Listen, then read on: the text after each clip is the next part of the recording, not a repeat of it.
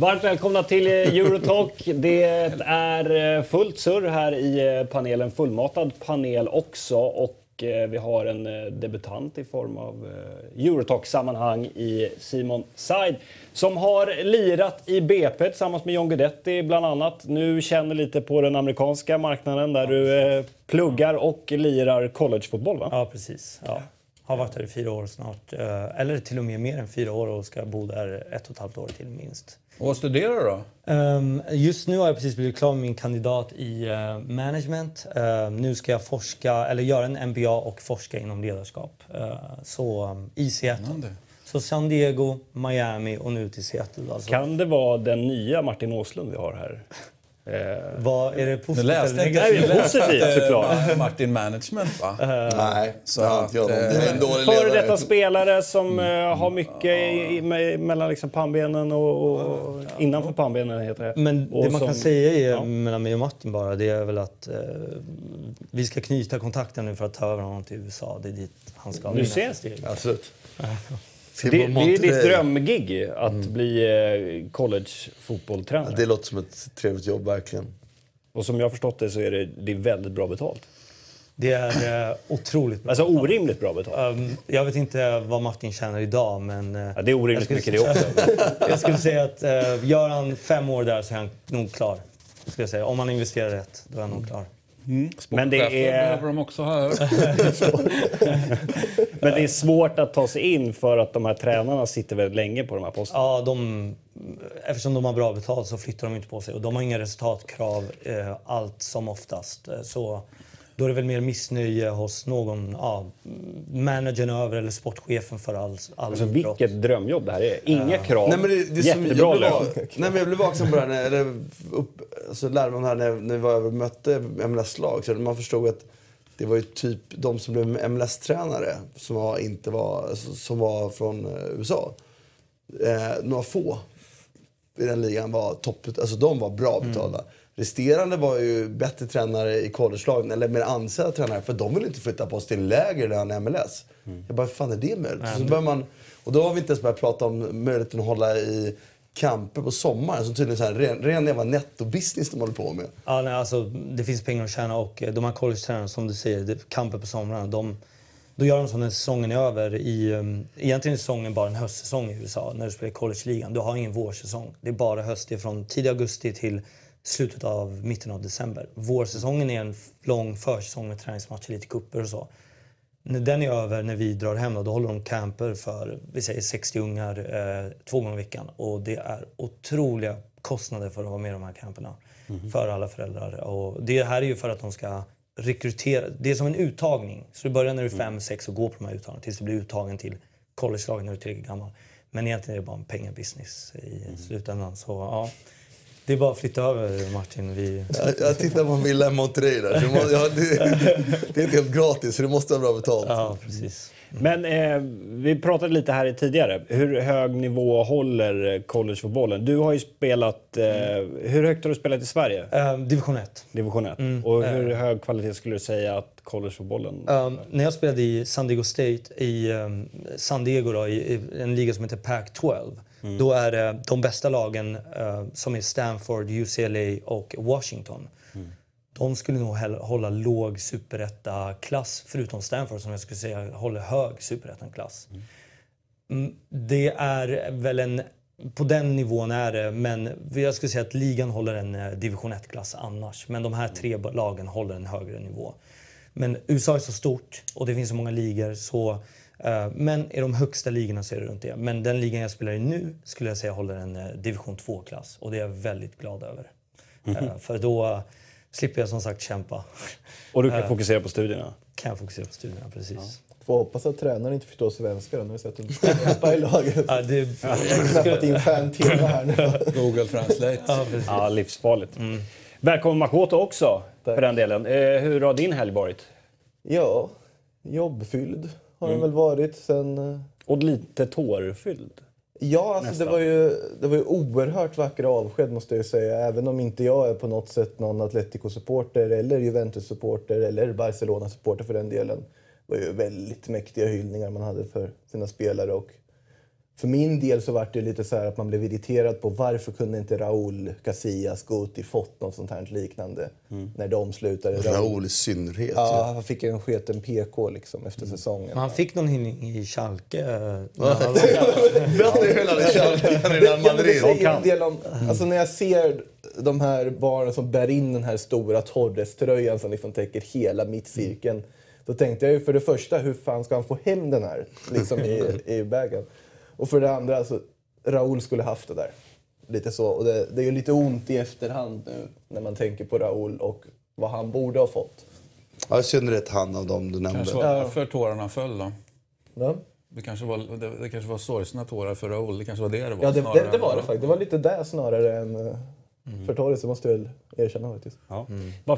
Eh, håller du på något lag i Europa eller i Sverige? Alltså jag håller på många lag, eh, ja. brukar jag säga. Och eh, vissa vrider sig mot det. Men eh, jag gillar Arsenal i England och jag gillar Inter i Italien. Uh, mm. Spanien har jag inte riktigt någon, men jag har alltid haft någon kärlek för Atletico på grund Atletico Madrid. Det är fler likheter med Martin. Martin har ju också uh, flera lag. Som uh, ja, jo.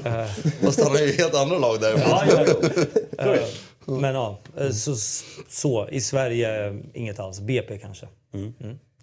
Härligt. Christian, hur har din helg varit? Ja, den har varit briljant faktiskt. Alldeles strålande. Fylld av, av, av, av bra bra sport, inte nödvändigtvis fotboll. Men det har varit, det är ju Giro d'Italia nu och det är till och med mm. jag kan tänka mig en etapp eller två. Det är mäktig, mäktig cykelåkning, mäktig mm. sport. Mm. Och fantastisk fotboll. Serie B-avslutningen. Ehm, strålande avslutning på Arja Piccola igår. Efter två år, vi har ju fyllt två år nu, vårat, vårat calcio-häng. Liksom. Så det var väldigt bra. Och så strålande lunch på söndag också hästcarpaccio hemma hos Lukas. Så att det var, det var liksom, söndagen var lång, så kan vi säga. Lång och bra. Lång och mycket, mycket bra. Ovanligt pigg då tycker jag. Jag ja. tycker kvällsmatch... jag är i sån jävla bra form du. Jag går ju hela tiden. Alltså, kvällsmatch på Arja Piccola, det vet ja. ju, det brukar vara det Christian. Det kan Lägg till hästlunch innan det. det borde ha varit... Eh, ja, ja men jag kom ut på rätt sida, så kan man säga. Mm fast fel sida midnatt. och Martin eh, jobbade sent med eh, den, eh, den, stora... Den enda riktiga fotbollsmatchen, jag säga. Den stora, Nej, stora matchen. Exakt. men den som fick alla andra fotbollsmatcher att blekna. Inte i betydelse, eller kanske också, men i kvalitet. Det var en supermatch in, i, mellan Inter och Lazio igår. Mm. Lazio Inter, mm. Verkligen. Var, eh, jag jobbade också på tyska cupfinalen på lördag. Det såg du inte eller? Nej. Nej. Jag. Jag hade, då prioriterade jag hockey-VM. Och det var lite jobbigt igår. Kul, men Apropå andra sporter. Du lyfte andra, andra sporter, då lyfte jag in andra sporter. Nej, men det var ju, hockey, det var ju VM-finalen samtidigt som det där sjuka slutet i, i liksom Lazio-Inter var det ju nervöst. Jag såg slutet på hockeymatchen, det var perfekt ju. Ja, ja du hann med. Transportsträckan släppte jag se och så såg jag det avgörande. Mm. Det bästa. Ja, det som Det tyckte jag var lite roligt och jag tänkte på det. Jag vet att, eh, att straff, straff har prövats, lite som man gjorde i MLS till exempel. Med att man dribblar framåt. Jag bara tänkte, nu skulle det förmodligen ändå vara lätt att göra mål. Men jag tänkte också straffavgörandet i eh, hockey blir ju mycket mer en skicklighet att göra mål. Men fotboll är det ofta vilka som är dåliga på att missa. Alltså, mm. För fotboll ska man ju sätta den. Hockeyn blir ju faktiskt få ändå. Ja. Men en sak jag tänkte på straff. Jag såg också på bara straff. Jag såg straffarna igår när Sverige vann. Då. Eh, det är inte samma dramatik som det är i, med fotbollsstraffar, men det kanske är min kärlek till fotbollen jämfört med hockeyn. Att där klipper de verkligen när man går till bollen och mm, sätter mm, det upp går väldigt den. fort i... I hockey alltså, klipps det bara in nästa som driver mot mål. Och då kände jag att det är inte mm. är det samma sant? Då bygger du inte upp dramaturgin lika bra. Nej. Nej. Inte. Nej. Man vill ju se den här liksom, tankeprocessen. Ja, ska, jag håller verkligen med om det. Det ska ju få gå några sekunder. Mm. För att så fort straffen är slagen, då börjar nästan den andra. Ja, precis. En kort repris och sen klipper de in när han redan har drivit mot mål.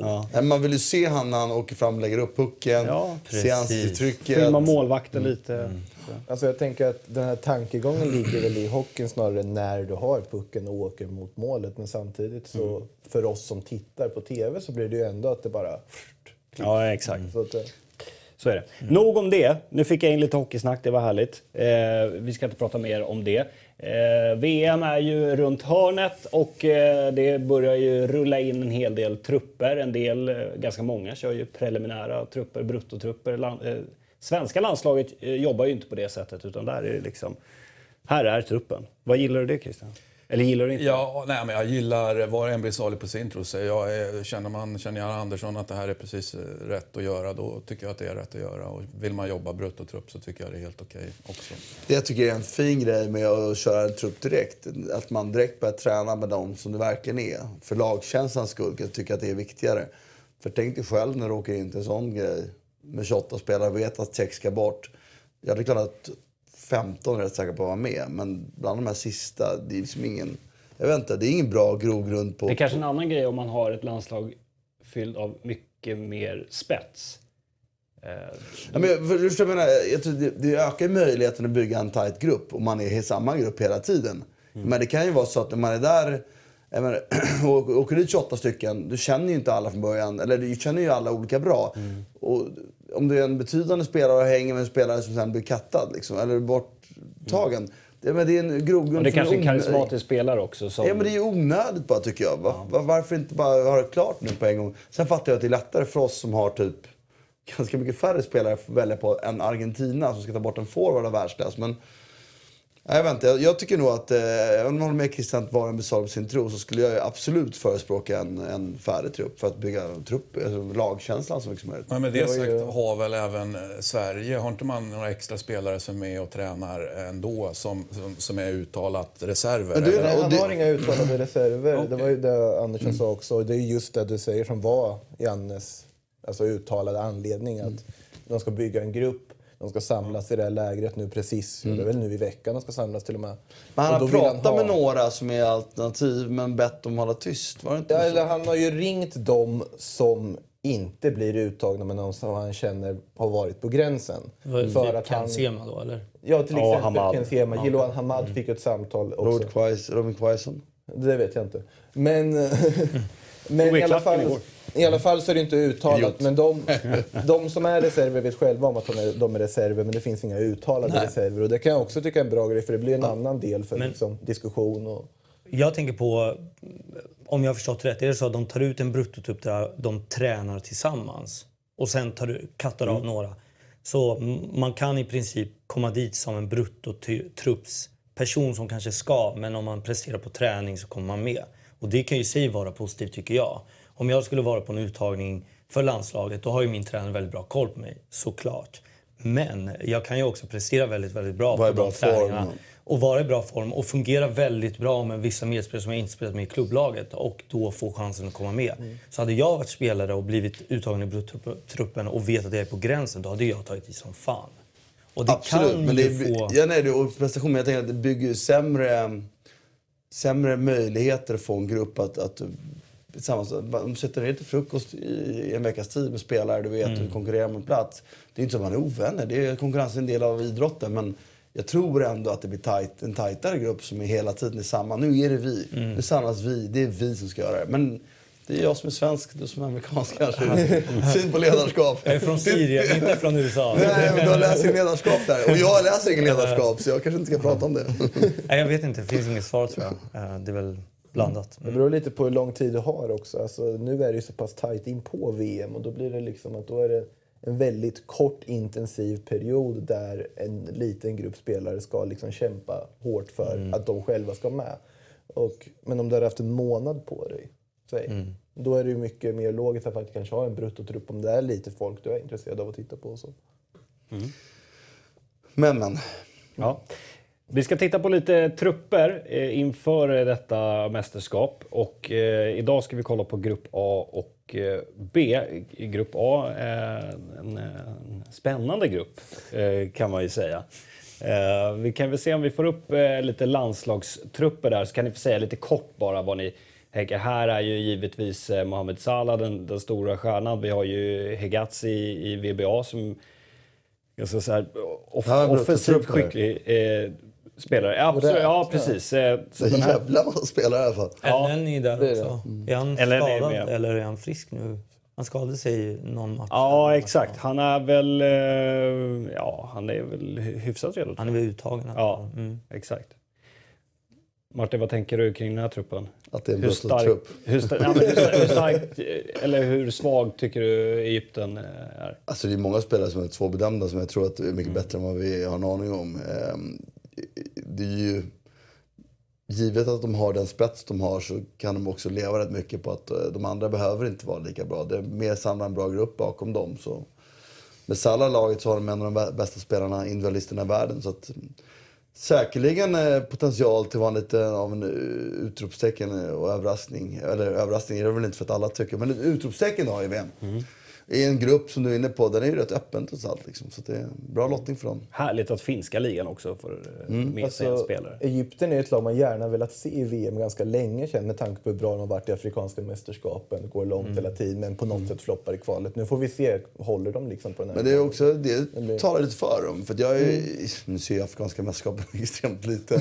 Men det man har sett och det man känslan får, det man pratar om, det är ändå ett lag med en hyfsat jämn nivå. För att ibland kan man ju tycka att lagen i afrikanska, det är ju superlag där ibland som åker ut i gruppspelet och inte ens med i alltså, Här är ett lag som ändå håller en, hållit en hyfsad nivå och med de spetsspelare de har så, så fan, det är väl en bra chans att de överlever gruppspelet, eller? Får se Ja. att Trezeguet håller på mitten också. Trezeguet. Eh, jag tror um, Egypten, på grund av också det historiska som varit med den arabiska våren och eh, att eh, det är verkligen ett splittrat folk men som på något sätt kommer att enas nu eh, i ett VM. Eh, och det tror jag de kan rida på extremt mycket i form av eh, att kunna gå vidare. Och sen såklart Salah som är en spelare om något som kan avgöra matcher. Vi, vi, ja, vi rullar väl vidare i trupperna, man säger. Ja, precis. Vi har Rysslands eh, trupp här och det är ju eh, som eh, alltid ganska många inhemska eh, spelare. Men många ändå som Hur bra är spelat. Ryssland? Nej, många av dem, ändå- även om de spelar där inhemskt nu, så har de ju spelat eh, Ja, ja. Mm. topp, toppligorna. Så det är ett bra trupp. Sen så, jag är cyniker som tror att det här är ett dopat lag, liksom, så att de kommer vara svinbra. Liksom. Härligt. Framförallt är de ju, känns det som att de är besynnerligt dopade mentalt. För att de är ju, alltså, de har ju alltid underpresterat under tittar Men Vadå, tror ni att det är en från... slump att alla de här spelar i, ryska ligan inför ett VM? Liksom? Det är ju ändå spelare, du ser de här spelarnamnen. Alltså, hälften av dem ska kunna spela i, i europeiska toppligorna. Men det är lönerna också. De Jo, men, varför, men det, gör, det är dopat. Alltså, de har ju samlat dem där, för då kan de kontrollera. Jag är rätt säker på att de är dopade. De här kommer vara svinbra. Liksom. Mycket bättre än vad de egentligen skulle vara. Så att det är, Makoto tar det vidare sen när vi går härifrån. Du, du har ju ett TT-uppslag här, så, så gott som någon annan. Tufft eh, uppdrag, granskning, Det här är- uppdrag det här är i Ryssland. det här är Ja. en rubrik. Jag- jag- jag satt mest och Strålande. du är ju kvällis... Nej, jag bara inser att det är en rubrik det här. Ja, så tittar man på innehållet. Så Tvärsäker Åslund kolon. Titta, det är kväll. Jag säger det. Du, Tvär- du, du är ju Expressen om något. Ja, absolut inte. Du är Expressen om något. Jag, jag vet att nyhetsvärdera. Du vet hur man sätter rubriker som inte nödvändigtvis behöver kopplas till innehållet. Men absolut. Men det är ju starka ord. Nej, men vadå? Tror, vad tror ni själva att det är en slump? Eller om man bara cyniskt här. Samla alla de här spelarna i ryska ligan. Okej, dopat eller inte, men det är ju en anledning till det här. De kan övervaka dem, kan kontrollera dem, kan se till att de matchar dem. De här tränarna har säkerligen inte fått använda dem som de vill i sina klubblag under året. Alltså det här är ju extremt viktigt för Putin och för den styrande Ja, regimen. jag håller med Martin helt. Ja, Alltså, helt fan. Det finns en dokumentär, Ikaros, eh, om man sett den inte, som handlar just om den här ryska dopingskandalen. Och, ehm, jag minns också förra, var det förra Där de EM? erkände fullt ut. Eh, När, inte förra EM, utan EMet innan när de var otroliga. Ukraina, ja, exakt. När de var helt otroliga, när de slog ut Sverige. Va? Var det så? Ja. då, Aldrig kände jag också, mycket. Då kände jag också att eh, fan var de dopade eller? Och jag, jag skulle, kvällis eller inte, eller rubriken inte. Jag är på din sida där med doping. Det finns nog någonting suspekt och det är väl eh, Putin som alltid som kan vara involverad. Jag sitter ju egentligen mest och funderar över om Dennis Keris är avstängd eller inte utan att Ryssland vet om det med tanke på vad heter det, Real Madrids eh, Copa del Rey-fiasko där när han gjorde mål och egentligen var avstängd och man åkte ut mot Cadiz. Det var där jag satt och funderade på mest faktiskt. Tycker att det är helt irrelevant. Vi får se. Vi går vidare med trupperna. Eh, och här har vi eh, Uruguay. Och Coates, straight out of Status Balotelli-laget. Just det. Det är ett fint lag. Det är riktigt Visst är det det? Det är ett svinbra lag. Men det, på något sätt känner jag att det ligger en, en, ett fiasko för dem. Jag vet inte varför. Det här är ett lag som kan gå till semifinal. Liksom. Ett lag som kan vinna. Nej. Jag att de har inte den... eh, Eller, VM är inte samma kvalitet. Men eh, semifinal är väl bra nog, liksom. Trots allt. Det är ju rakt igenom spelare i, som spelar i svinbra lag. Liksom. Och flera av dem är dessutom intressanta på längre sikt. Dessutom. Det är bra målsnitt på forwardsen där. Ja, det är väl plus 15 i ligan på alla fyra tror jag. Mm. Jo, nästan Stuani har varit fantastisk för eh, Girona och Maxi Gomez är ett av de största utropstecknen där i Celta också. Så att det, ja, nu kommer inte de få spela, det kommer vara Cavani och Suarez. Men, Men Torreira, Gomes och Bentancourt är ju en eh, hyfsat fin ration för ett antal turneringar framöver. Och det är ju det som inte har suttit förut, mittfältet. Då har vi alltid pratat om, om, om försvaret och så har vi pratat om anfallet och så har vi pratat om att Muslera kanske håller han verkligen längst bak. Eh, och Muslera har alltid hållit när vi har satt frågetecken för honom. Fast mittfältet har ju varit egentligen det stora frågetecknet. Nu känns det ju som att det är inget frågetecken, i alla fall inte på samma sätt. Stora möjligheter att bli ett utropstecken det mittfältet. Så att Jag jag, menar- tycker att det ser bra ut måste jag Hade, säga. hade det inte varit i Ryssland, givet de förutsättningar jag pratade om nyss, så hade de här varit stora favoriter att vinna den här gruppen. Men det är just givet det och det är bara... Magkänslan säger att Uruguay tyvärr kommer floppa. Tyvärr. Jag, är inte lika svag för dem som Christian är, men självklart vill man ha med dem länge. Liksom. väldigt kul att se Valverde med. Det är ju en spelare man verkligen hoppas inte kommer vara med i ett framtida status Balotelli-lag. om- Exakt. Vi rullar vidare med, eh, med, eh, trupperna här och Saudiarabien. Vad ska vi säga om det då? Ingenting. De fick spela i La Liga till slut. De, Ja, just det. de Ja. skickade ju hela... Just var det? Saudiarabiska förbundet skickade väl nio spelare till La Liga eller vad det var som ligan då på något sätt lånade in. Just det. Och Dålig, även, det var eh, dålig uppföljning på det i vårt program, måste jag säga. och men även alltså- Segunda va? Ja, det är både La Liga och Segunda. Och det roliga var att det här gjorde man ju då för att de här spelarna skulle få liksom speltid mot bra motstånd inför VM. Men kruxet var ju att de var ju för dåliga för att spela. Så att istället så har ju de suttit på bänk i princip hela våren. Jag vet att han i Villarreal där, eh, Salem tror jag det var, som fick hoppa in mot Real Madrid nu i helgen. Och då var det... Jag vet inte om han från Leganes också fick hoppa in, men det... De har fått träna i en bra miljö i alla fall. Ja, Alltid precis. något. Almovala där i Levante var väl den enda som på något sätt har någon sorts sportlig kvalitet som någorlunda skulle rättfärdiga att ett La Liga-lag värvar honom. Men jag vet inte hur mycket han har fått spela faktiskt, helt ärligt. Men det är inte mycket. Men det, det man kan säga om gruppen är att den är väldigt politisk i form av eh, Saudiarabien, Ryssland och Egypten. Det älskar vi såklart. Ja, och uh, Saudiarabien och Egypt, Egypten blir spännande alltså ur ett... eh, jag som är från de rötterna och den, all den anspänning som är runt den matchen och det politiska spelet som pågår där. Alltså det mm, kommer bli fantastiskt i sig. Fotbollens nivån på den matchen vet jag inte, men just spänningen runt. Och det är väl det jag om något älskar. Um, Och samtidigt Grupp A har en del. Så att, Absolut. Alltså, Har man sagt något Rysslands- annat? Rysslands liksom enda chans att, säga, att göra någonting vet, det är ju att om de möjligtvis kan förvandla den här eh, hemmaplansfördelen till någonting. Annars så kan man ju liksom bocka ur Ryssland direkt. Då. Men det är alltid spännande att se hur mycket man eh, hur mycket en regim så att säga Ryssland kommer vinna den här vågar pusha. Ja, men är du så säker på att de är så duktiga på det då? Alltså på att, att äga eh, Spelarna är inte bra nog egentligen, nej. Men jag tror de göra det. Men det jag menar är för att äga utanför planet spelet så bör du ha en, en, en, ett visst mått av kvalitet ändå. Eh, och det Alltså, menar jag. vi, vi pratar, det är inte dåliga spelare i Ryssland och givet att de ändå fått förbereda sig maximalt för VM. Givet att de kanske då har fått lagom kosttillförande medel utan att det är doping, vad vet jag. Det är ju trots allt en... en, en ja, exakt. Jo, rätt, rätt antal, rätt tillfällen, vad vet jag. Så länge de inte är dömda så är de inte dopade liksom. Eh, så att, eh, nej men jag tror att eh, de har bra chanser absolut att vinna gruppen. Ja. För det är inget dåligt lag. Du sitter och pratar om Ryssland som att de vore... Nej, nej, jag säger, inte att, jag säger bara att de, de är ju notoriskt, Hemmaplan och så pass bra som notoriskt underpresterande. Så länge jag har följt VM så har de underpresterat. Liksom, och titta, de har faktiskt aldrig presterat i VM på ett vettigt sätt. Det, det är ju, det är ju förödande... liksom. vilka möter de första matchen? Ja, Ingen bra aning. fråga. Spelschemat kan inte jag. Det är Ryssland, Saudiarabien. Saudiarabien. öppningsmatch. Mm. Mm, tre poäng. Eh, Men de har ju haft det hela tiden under den här, sen de liksom blev klart att de skulle ha VM, ganska stökigt eh, politiskt inne i förbundet och hur de liksom ska få rysk fotboll att lyfta sig. Det har ju varit, ja men ta in eh, namnstarka förbundskaptener som inte har rimmat med, och de sätter olika regler i ligan för utländska spelare och tror att det är melodin att få lyfta och det har ju varit ganska stökigt på det sättet. Det har ju varit stökigt. Mutko som satt var ju chef för fotbollsenheten där då. Det var ju en av dem som rök nu i hela den här eh, vad heter det, McLaren-rapporten och när, när Oswald-kommissionen kom fram till inför vinter-OS.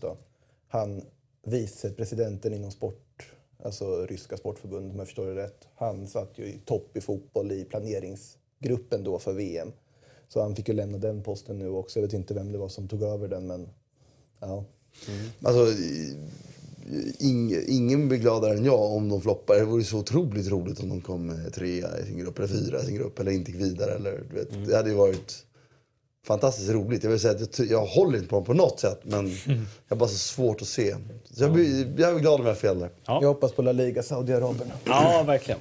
Eh, vi rullar vidare till eh, grupp B, Spaniens eh, trupp. Vad säger ni om den? Ingen Morata. Alltså, det har varit skönare att se dem nästan i det andra formatet. Man vande sig vid det. Jag gillar inte olika grafiska presentationer. Det är, det är inte stringent tycker jag. Det är ändå lite anmärkningsvärt. Men är det här den slutliga truppen? För det här står att det är för vänskapsmatcherna mot Tyskland och Argentina. Men det jag blir glad av att se det är ju Lucas Vasquez, Asensio.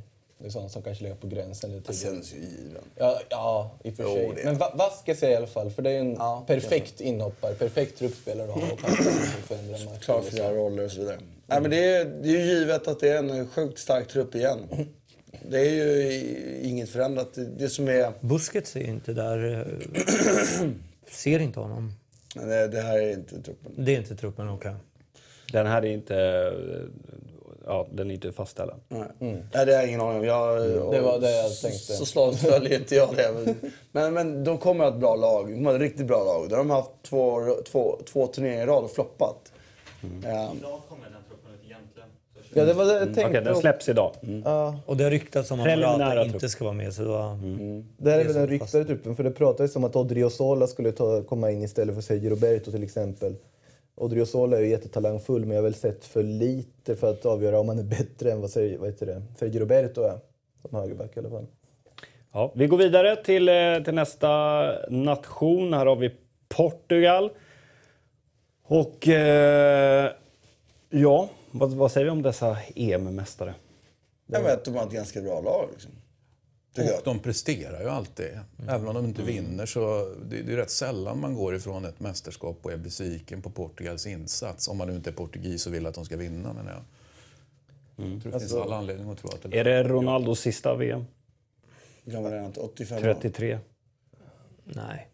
Nej, det går fan inte. Så är det. Alltså, Han var så jävla bra Bruno fysik, Alves är ju med igen. Så att, Men eh, spontant eh, ser jag på truppen, det är väl Eder som sköt dem till ett eh, EM-guld. Eh, på ren eh, kärlek till eh, folket så borde han självklart varit med. Och eh, Ruben Neves eh, som har haft, nu har inte jag sett Wolves Men han har varit bra där. Förutom en eller två matcher, men eh, de matcherna jag såg var han briljant. Uh, och håller för en högre nivå såklart än Championship och även Wolves nu i Premier League. Nu vet inte jag hur bra de kommer vara, men det är Martins lag. eh, shit eh, vilken spelare och uh, otrolig liksom, karriärvändning att gå till Wolves och vara Han får stå skuggan av William Carvalho fortsatt helt enkelt. den långsamma. André Gomes är ju petad också, värt att notera. Jag vet att förbundskaptenen där sa väl att det var en väldigt jobbig trupp att ta ut då han förstod att han kommer behöva peta vissa av EM-hjältarna, typ Eder då. Men Eder som fotbollsspelare är ju högst begränsad, egentligen. Men André Gomes är väl det som jag är mest förvånad över att han faktiskt försvinner även om han inte fått så mycket speltid. Men det finns ju absolut potential för de här att gå hur långt som helst. Det är återigen, vi är tillbaka till det här. Alltså, jag säger Uruguay inte ska vinna, det är klart de kan det. Men Portugal har ju, tycker jag, med, med spelare som Ronaldo, Salah är en annan typ. Nu är det laget för dåligt i övrigt. Men har man den typen av spelare då kan man i alla fall alltid vinna såna här turneringar. Och det, det kan de här laget göra också. Det Eh, är lite småhäftigt att se åldern på en del av backarna. Det är Det är vackert att både Peppe och Bruno Alves 30, och ja. Conte med det. Ganska gammal trupp överlag. Men då spelar de väl Pepe och Bruno Alves som mittbackspar igen. Uh, Man har ju sett det några gånger. det har man. Alltså. Det gillar vi. Vi går vidare till, eh, till nästa nation. Här har vi Marocko. Kul. Vad tänker ni? Att de Kul. Också, kul att se dem också i VM skulle jag vilja säga. Amrabat är en spelare man verkligen unnar ett VM. måste jag säga. Men det är intressant trupp. Fair i Getafe till exempel. Ziyech. Det är mycket bra spelare. De har bra dribb, Det är mycket bra dribblers, spelare. eh, tänker jag när jag ser eh, truppen. Många med bra dribblingar, bra fötter liksom. Uh, Adel Tarabt inte med, antar jag. Eh, om det här är slutgiltig trupp. Han är väl var inte- marockan. Men han, han var skadad eller? Han har inte spelat på slutet igenom heller. Nej, men Han är, han är ju fram och tillbaka skadad hela tiden faktiskt. När det- Han har en, högsta en nivå. fin högsta nivå alltså. Ja, jättefin. Uh, otrolig. Skön att kolla på. Vi tar sista nationen för eh, den här veckan. Då har vi eh, Iran. Och där ser vi ju bland annat Saman Ghoddos. Men det är också en bruttotrupp va? Eller? Nej, de tog ut 24 har jag för mig. Ja, det är en som ska ryka. Jag vet inte, men jag läste någonting 23 att är det det var väl? 24 eller så var det bara ett typo som någon hade skrivit. Att det Är det 22? Vad man räknar här, då, vad är det? 5, Fyra är det. 9, Jag har räknat. Jo men är det inte 22 som ska vara slutgiltiga? 23. Tre. Är det? På riktigt? Har det alltid varit det? eller? ja. Nej! Jo, 23. Okej, vad fan. Ja, i alla fall. Jag i mitt huvud har alltid varit 22. Ja, men det är den här tredje keepern du skiter i. Fast han har varit med i... Ja, okej. Fan, det här måste jag kolla. Azmono ska ju tydligen vara en ganska stor talang och målfarlig kille där, han i Rubin Kazan. Annars så är det väl inte ett lag man har jättemycket koll på, helt ärligt. Nej, inte alls ska jag allt säga. Nej.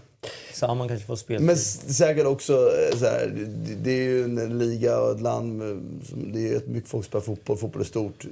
Högsta nivån, lägsta nivån är mycket bättre än vi föreställer oss. Att det, De kommer ha bra stöd, eh, precis som förra VM eh, där de hade otroligt stöd, speciellt mot Argentina. Eh, Mycket svensk-iranier som åker dit eh, säkert, eh, precis som förra VM. Härligt. Eh, Vi tar eh, grupp C och D nästa vecka. Då. Eh, Och eh, apropå VM så var det ju eh, en domare i, vid namn Al-Mirdasi, ni får ursäkta uttalet. Eh, Han skulle döma VM men nu erkänner han att han erbjuder sina tjänster till Kings Cup-finalen mellan Ittihad och Al-Farsali. Eh, Så att eh, han är out på livstid. Det, Så kan det gå. Så då ersätter de honom med en eh, ny domare, kanske svenska Jonas Eriksson. Kanske, jag vet inte. men, eller så ska de försöka hålla den där kvoten av olika, vad heter det? Ja, det är ju precis. Oavsett Ja, är det precis. bra... Så då lär det vara ja, någon från den regionen då. Borde ju... Kanske en japan. Kanske. Ja, kan Är det någon japansk domare med? Nej. är de bra japanska domare? De är väl inte de bästa kanske. Så då hoppas vi inte det. Eller? Ja, men det gör man väl ändå. Eller så gör vi. någon form av liksom, patriotism. Ja, jag okej, du gör det. Ja, jag, jag hoppas alltid på det. Men eh, det är väl bra att det kommer fram nu, får man väl säga. Och inte att det kommer fram efter ett VM. Så det är väl, ser väl som positivt att... Alltså, li, li, eh, eh, ni får kalla mig fördomsfull, eh, gärna. Men lite som det som Martin är inne på med eh, doping. Det känns ju som på förhand att det här är ett VM där det kan bubbla upp en hel del nästa grejer under det här mästerskapet. Det är som att man bara väntar på att det ska... Ja, och jag tror till och med att det ska vara så att eh, det behöver inte alltid finnas fog för det som bubblas upp. Utan det kommer nog finnas ett intresse av att det ska... lite po- politiken har liksom blivit en stor del av det. Så nu vill alla hitta politik Och det är överallt. ett lock som ska vara stängt. Men hur, hur funkar det med... ehm, det kommer ju vara VAR i VM, eller hur? Eh, Är det samma... Om det är ett iranskt domarteam, är det samma då som sitter i kontrollrummet i, i, eh, för VAR? Eller är det ett annat land eller är det samma person som sitter på varje match? Stökigt med kommunikationen då. Eh, Ja, Det alltså- måste nog vara samma land. Ja, för hur, annars kommer det bli stökigt på det sättet. Hur? då, man får ju hoppas att de väljer... Egentligen borde VAR-domarna bara vara från typ de länder som har haft VAR i ligan i år. Egentligen. Så det finns en praktisk erfarenhet av att ha dömt VAR. Alltså, alltså Uefa och eh, Italien i det här fallet skickar ju VAR-domare specifikt till. Så, att, eh, Så kan det vara då. För det är ju till rimligt. För exempel det, Orsato som vi pratade om för några veckor sedan som, som inte var så framgångsrik, eller väldigt framgångsrik, mellan Juventus och Inter. Han är ju VAR-domare i VM till exempel. De hamnar ju alltid i skymundan. Alltså, man kan ju inte skylla på dem, man skyller på huvuddomaren. Så de kan ju komma undan med lite... Det är bara en tidsfråga innan det blir fokus på det också. Vi kommer kunna namnet på en jävla VAR-domare om tio år också. Varenda system, varenda dator. Som jobbar. Ja, apropå det så statistik som presenterades av italienska Lega Serie A var det väl. Som, det var ju faktiskt en väldigt bra statistik för VAR när det gäller liksom, att det blivit rätt. Och det får man väl kanske säga att det fungerat. Vad vet jag? Jag har inte särskådat. var den- positivt i eh, matchen mellan Lazio och Inter. Ja, med det straffen rätt. som inte det var straff. Ja, exakt. Till exempel. Vi ska gå vidare till en eh, ny programpunkt där vi också har en eh, tävling med Christian. Där Christians VM-listor. Som vi ska titta på. Spännande. Ja, eller hur? Där Christian presenterar sex stycken VM-listor, en varje vecka. Och ni har kanske noterat BenQ-projektorn här. Du får Så- akta så att du inte gör sönder den. Den är svindyr den där. 100 tum.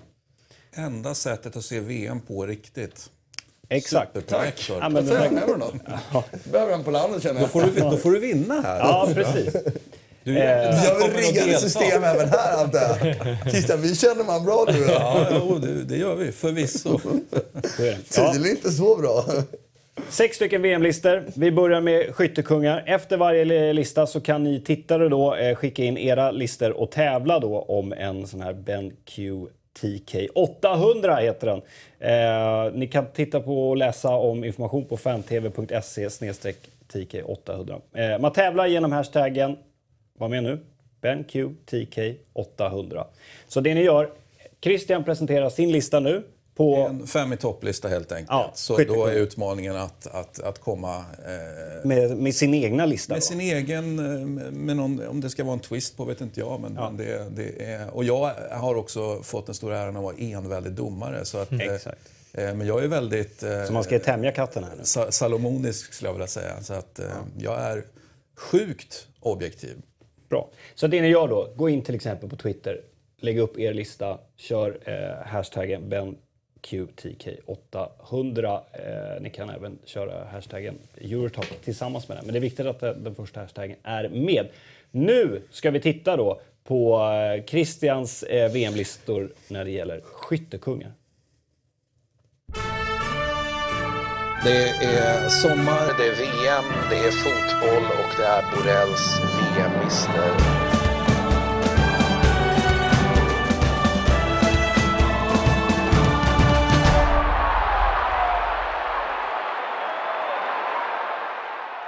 Välkomna till eh, Borrells VM-lister där vi tittar till eh, VM-historien, eh, reflekterar, diskuterar och sen så utmanar ni min bästa lista med en egen bästa lista och vinner ett väldigt fint pris.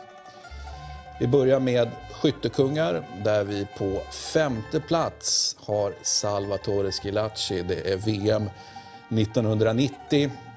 Det är fantastisk värme eh, som det i och för sig har varit på en del andra VM. Eh, men det är ett par ögon som står rakt ut som råttpittar. Salvatore Schillaci som började VM-slutspelet, inte som ordinarie. Det var ju eh, en viss Vialli och Carnevale som skulle göra det men det slutade med att det var Schillaci som gjorde det istället. Räckte inte riktigt ända fram. Då kan man också ta och fundera på det här med de skyttekungar som faktiskt eh, skjuter sina lag till VM-guld och så kan man fundera över de där som gör det på hemmaplan. Det är bara en handfull som har lyckats med att bli skyttekung och sen också föra sitt lag till VM-guld och ännu färre som har vunnit den här titeln på hemmaplan. Femma alltså Schillaci. Fantastisk i VM 1990. Eh, bra innan, bra efter, men han pikade där och då. Femte plats räckte det till. På fjärde plats 1958, Just Fontaine, 13 mål. Ja, det är väl ett eh, rekord som inte kommer att slås gissningsvis. Eh, han lyckades ju måla fransosen eh, VM i Sverige då i precis varenda omgång han spelade. Eh, och så fick han till de där fyra målen i matchen om tredje pris mot regerande mästarna Tyskland. Så att eh, Just Fontaines 13 mål som alltså eh, för evigt inskrivna i historien, eh, det räcker till fjärde plats. Tredje plats VM 1970, Gert Müller. Ja, Gert Müller lyckas alltså med konststycket att vinna fel eh, skytteliga, det vill säga eh, han vinner ju guldet sen 1974, eh, men det är 70 han vinner skytteligan. Hade det varit tvärtom, ja då kanske han hade hamnat ett hack upp på listan då över de bästa VM-skyttekungarna någonsin. På andra plats har vi Ronaldo. Ronaldo 2002. Det var ju tredje VM för honom och han var med och lärde som ungtupp VM 94. Sen 1998 vet ni vad som hände. Det var då han skulle skjuta Brasilien till guldet och det slutade ju i ett eh, sällan skådat debacle där i VM-finalen mot Frankrike. Men 2002 var han tillbaka och sköt Brasilien till guld. Han är alltså en av den här handfull människor som lyckas med konststycket att vinna skytteligatiteln och samtidigt föra sitt lag till VM-guld. Men första plats räckte inte till, andra plats bara för Ronaldo 2002. För första platsen har Paul Rossi 1982. Eh, avstängd hur länge som helst på grund av spelskandal inför VM-slutspelet. Men förbundskapten Enzo Bearzot valde att satsa på Paolo Rossi som ju hade spelat VM 1978 redan. Ehm, och det började ju sisådär, inte bara för Paolo Rossi utan även för Italien i gruppspelet. Sen så fick man fart på grejerna och Paolo Rossi var den som såg till att det blev målfart också. Ehm, fantastiska matcher mot, mot Brasilien såklart, en av eh, VM-historiens absolut främsta. Och sen så bara fortsatte han avslutade alltså VM 82 då som guldmedaljör och skytteligavinnare. Paolo Rossi. Kan man fundera på varför Paolo Rossi är etta, Ronaldo tvåa? Har de inte gjort ungefär samma sak? Ja, eh, känslan är väl kanske då att det italienska laget 82 verkligen behövde Paolo Rossis mål. Eh, 2002, Ronaldo, ja det hade nog varit någon annan brasse som hade kunnat kliva fram där om nu inte Ronaldo hade varit på plats. Så det får fälla avgörandet när Paolo Rossi plockar på sig första platsen då i eh, den lista som är bästa skyttekungarna i VM genom tiderna. Eh, det var den första av sex eh, Borrells VM-listor. Nu är det dags för er att reflektera, diskutera och sen utmana mig. Kom med en lista och det finns ett fint pris att vinna som sagt.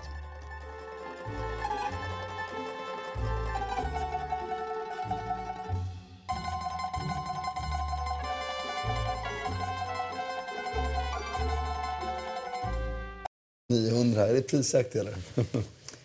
14 lax. Det där var ju väldigt fint.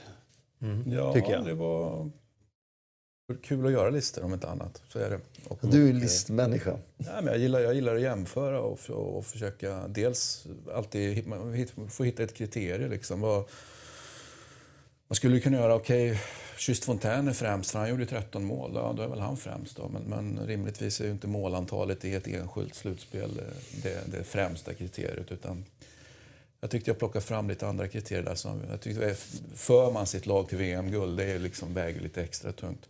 Gör man det dessutom på hemmaplan till exempel, eh, då kan man ju bara konstatera att ja, Kempes gjorde det, men han var inte med. Så att, eh, ja, Det rankar inte du så högt. Härligt. Eh, som sagt, eh, kom med era listor på skyttekungar. Lägg upp dem eh, på eh, exempelvis Twitter då, med hashtag eh, BenQTK800 så har ni chans att vinna den här projektorn. Då. Eh, där domaren är Christian Borell. Vi går vidare till status Balotelli. 11 supertalanger som kanske aldrig riktigt blev den där superstjärnan de spåddes eh, bli. Ni vet ju att vi tar ut en 11 där. 4-3-3 är det väl. Eh, Diaby eh, vart det senast. Nu ska vi ta in en central mittfältare eller en inne mittfältare. Har vi något namn? Ja, tapeten? jag pratar med... eh, Alltså Makoto här är väl... Är väl ehm, det känns som att han rycker in i någon slags panel här. Han, Mm. Dels sitter han här ganska ofta och sen så... ehm, Ja, annars är det ju Martin och jag som ska När det kommer till den här eh, listan så är jag ju mindre involverad än vad ni är. Nej, men jag tyckte, vi pratade Gago här innan.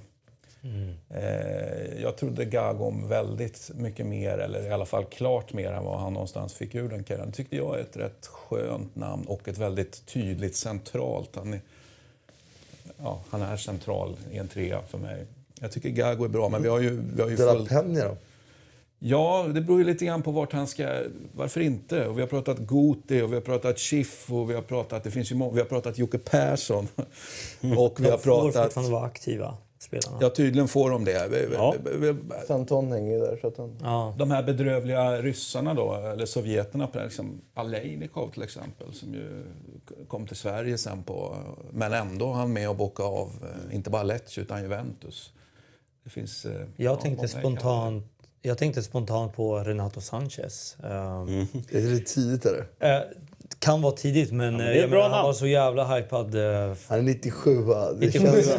Han bör. Men han är och Han är ju dansar på en... 21, det är snart slut. Alltså det, det är det som är det mm, sjuka, att man redan säger att det har dalat neråt. Men just så hypad som han var för två år sedan inför EM, presterade under EM, Bayern München, blev ingenting där eh, riktigt. Eh, blir utlånad till Swansea och är väl inte ens med i, under vårsäsongen eh, så mycket för att han inte ens håller i ett lag som då bevisligen inte höll för Premier League. Och Nej, det alltså- något är ju en eh, snuddande på status Balotelli-känsla. Absolut. Kan bli. Utmärkt eh, argumenterat, men, men eh, han, han, alltså, vi tror också på rehabilitering av spelare. En bra tränare, en bra sportchef kan rehabilitera spelaren i fråga här. Så Även, även om inte jag tror att det kommer ske med honom, för det tror inte jag, så, så är det för tidigt. Man kan inte, alltså, jag, jag håller med om att, att den hypningen var ju helt sjuk. Men det kan man vända på och säga att den var ju inte helt, alltså den var ju lite överraskande. Så jävla bra var ju inte VM heller tycker jag. Han, man hade inget ja. speciellt som man bara så här, Hade det inte varit för att han var så ung så hade man tittat... För vissa andra unga spelare ser man något speciellt som de var riktigt bra på. Men visst, alltså, han, han har en bra chans att vara med här om några år. Men det är för tidigt, tycker jag i alla fall. Men Det är svårt att säga att han kommer bli en världsspelare Nej, det eh, längre. Men Jag tror, det var jag ju tror det vi inte det. trodde. Jag, jag, jag tror inte heller det. Men Han är ju med största sannolikhet en kandidat för det här laget om ett x antal år, om inte annat, som det ser ut. Men jag måste bra. bara fråga hur Goti dök upp i den här diskussionen. Goti Ja, vill jag ju inte förändra överhuvudtaget. Han är ju... Därför att jag, därför jag bara går på så här, Jag spelade mot honom. Det är en generation av spelare som jag liksom växte upp med och mötte. Av de som blev saker som Henry och sån här Trezeguet eller ja, en mängd spelare, Ballack och såna grejer, så var han överlägsen när vi var 20 Ja, mött- Men det, det, det är han ju fortfarande. Jo, visst, men han blev ju inte överlägsen. Han blev ju aldrig så bra som lite. Redan då eh, borde man kanske ha fattat att han skulle bli det för att han hade vissa saker som inte verkade vara hemma. Liksom. Han verkade ärligt talat inte superbegåvad liksom, intellektuellt. Men, men eh, det är därför dök det upp. För jag, jag håller med om att han har ju vunnit allt. Liksom. Nej, och jag jag, och det är, inte- jag har inte sagt, jag bara, det var ett namn jag lyfte. Ja, absolut. absolut. Men De La Penne är lite samma sak. De La Penne var ju var 18 år och var med i spanska landslaget och skulle vara... Han var ju för bra för, han, jämligen- han var för bra för att vara med u liksom, när vi var, mötte dem. Det är ju för sig också så Balotelli är inte direkt en dålig spelare. Så att, alltså, du behöver ju inte egentligen ha totalt misslyckats för att vara med i Nej, elva. lite så. Men jag säger inte att det går Det var bara ett namn upp för diskussionens skull. Vem spikar vi fast här då? Sanchez. Men det står väl mellan De La Peña och, och Gago och jag tycker fortfarande att Schiffo är ett fantastiskt namn faktiskt. Han borde ha... Jag kan inte avgöra det. Jag tyckte Schifo var så bra som han var. Men eh, jag, har inte, jag var för liksom, ung för att liksom, förstå att han hade större potential än vad han fick ut. Liksom. Ja, jag kan tycka att det är, är, är vi- viktigt att ha med. Vi, vi kan ju tänka oss också, vi kan ju, vi kan ju ställa upp Ortega då? mittfältstrean eh, på lite olika sätt. Den behöver ju inte vara rak. Det kan ju vara någon sittande och, och, och så vidare. Man skulle rent teoretiskt kunna spela både med, med, med De La Peña och, Gago. och eh, vad sa du? Gago.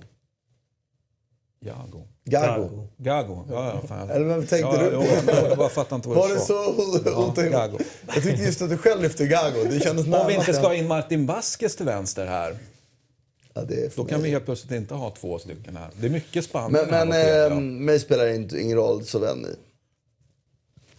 Sätter vi Gago eller? Vi låter, vi låter vår gäst bestämma mellan Gago och De La Peña. Gago utan tvekan i så fall. Okej, då har vi det. Klart. Eh, ni kan även eh, ni gå in och, och skriva med hashtag status Balotelli då. Om ni har några förslag på spelare, eh, då en central mittfältare eh, den här veckan. Nu tittar vi på Europatipset. Eh, förra veckan så hade ju Gusten en rejäl djupdykning, men han går upp på 9 rätt. Martin 2. Eh, vad säger jag? 2. Eh, jag vet att du ligger bara två poäng bakom eh, Fjäll nu, men du hade 10 rätt. Ja, jag är jämn. Jag missade på de här tre matcherna i division 1. Så jag snyggt av Christian och eh, Gusten att sätta spika tvåan då på Inter. Ja, den var jag faktiskt ganska säker på långt in i matchen. Trots att, nu ska vi väl prata om den här matchen sen, trots att det såg ut som det gjorde så kände jag att det här kommer och det här vänder. Och det gjorde det ju bevisligen. Nej, men det var väl en eh, lite mer lätt-tippad eh, rad på många sätt, säger jag då eftersom jag läste det rätt i och för sig. Men de, det är ju de här, när man kommer till division 1, det är ju väldigt svårt att veta vad de, hur bra de är. Liksom. Eh, och det hade vi inte någon av oss nog rätt. Eller här var det någon som hade rätt, rätt på någon? Ja, sista hade jag helt jag tror. Det är ju intressant att alla ändå tog ettan på Milan mot eh, Fiorentina. Ehm, nu i hemmaplan och sådär, men jag tänkte att den var svår. Nu utklassade ju Milan Fiorentina till slut. Men det känns för ojämna för att stå emot en sån match. Sassuolo, Roma. Nej, det var... mm, Vi kan titta på ställningen. Och eh, då ser vi att det är som sagt väldigt jämnt eh, mellan Martin och David. Ja, jag kommer inte ihåg hur det blev förra året heller. Det har rätt jämnt långt in mellan David och mig då också. hur många omgångar? eh, Det är en kvar bara. Okej, Det är bara en kvar. spännande. Oh la. Men får du veta vad han eh, tippar då? Så då ja, för annars hade han kunnat... Ja, exakt. Smart. Mm. Han riggar kanske programmet. vad jag. Och massor med ligamatcher slut också känner jag. Är det alltså utländska ligor här? Nej, det blir ju Allsvenskan och som ja. avgör det. Ja, det är så. Ja. Oj, oj, oj. Ja, det blir spännande. Men vi har ju fortfarande inte gjort den här eh, statistiska säkerställandet genom att ta bort toppraden och bottenraden. Ja, precis. Vi har nämligen en bottenrad. Det var, Okej. Vi spelade afrikanska mästerskapen hade typ fyra matcher som var avgjorda. Jag hade fel på alla fyra. Det var, Ah, okej. det var en hemsk rad. Vem bestämmer det? Det är bara att Vi körde Bra fråga. Ja, spännande blir det. Eh, håll koll på Eurotalk Weekend som eh, ni vet släpps på torsdagar. Nu tar vi oss eh, efter eh, väldigt långt intro. Men bra intro. Det är bra. In, långa intro är bra, rent, Nej. rent per definition faktiskt. Nej. Ja, jo. Det håller jag inte med om. Det kan vara bra. Men nu Som tar idag. vi oss vidare till England.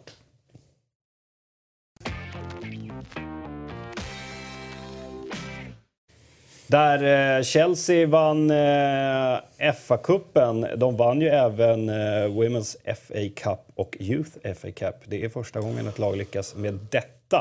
Eh, samtidigt så är det ju eh, lite oroligt i Chelsea. Dels tränarfrågan och sen eh, vi pratade politiskt här tidigare. Ryssland, eh, England. Det är ju så att eh, Abramovic, ägaren, eh, sitter utan ett UK-visum just nu. Så han fick ju inte vara på plats.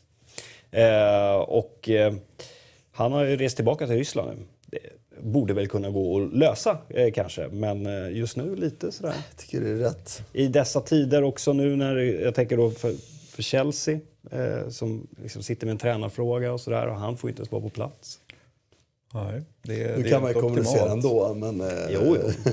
Men i vissa lägen är det bra att vara på plats. Just till exempel ny tränare och den typen. Eller ny Det är så bra att inte ha plats. Ja, man lägger sig i fel det beror på beslut. hur man läser. Men, men eh, jag tycker han bör vilja vara på plats. Och han kan väl träffa en blivande manager på, på, på sin, sin yacht. Det har han väl gjort tidigare i och för sig. Va? Så att, eh, det går väl Är det fastslaget eller att Conte lämnar? Nej. Nej. Men här menar jag. Alltså det det, känns det fastslaget. William gjorde känns ju som... Ja, William körde ju eh, på Instagram var det va? Eh, där han satte då en pokal-emoji för Contes ansikte.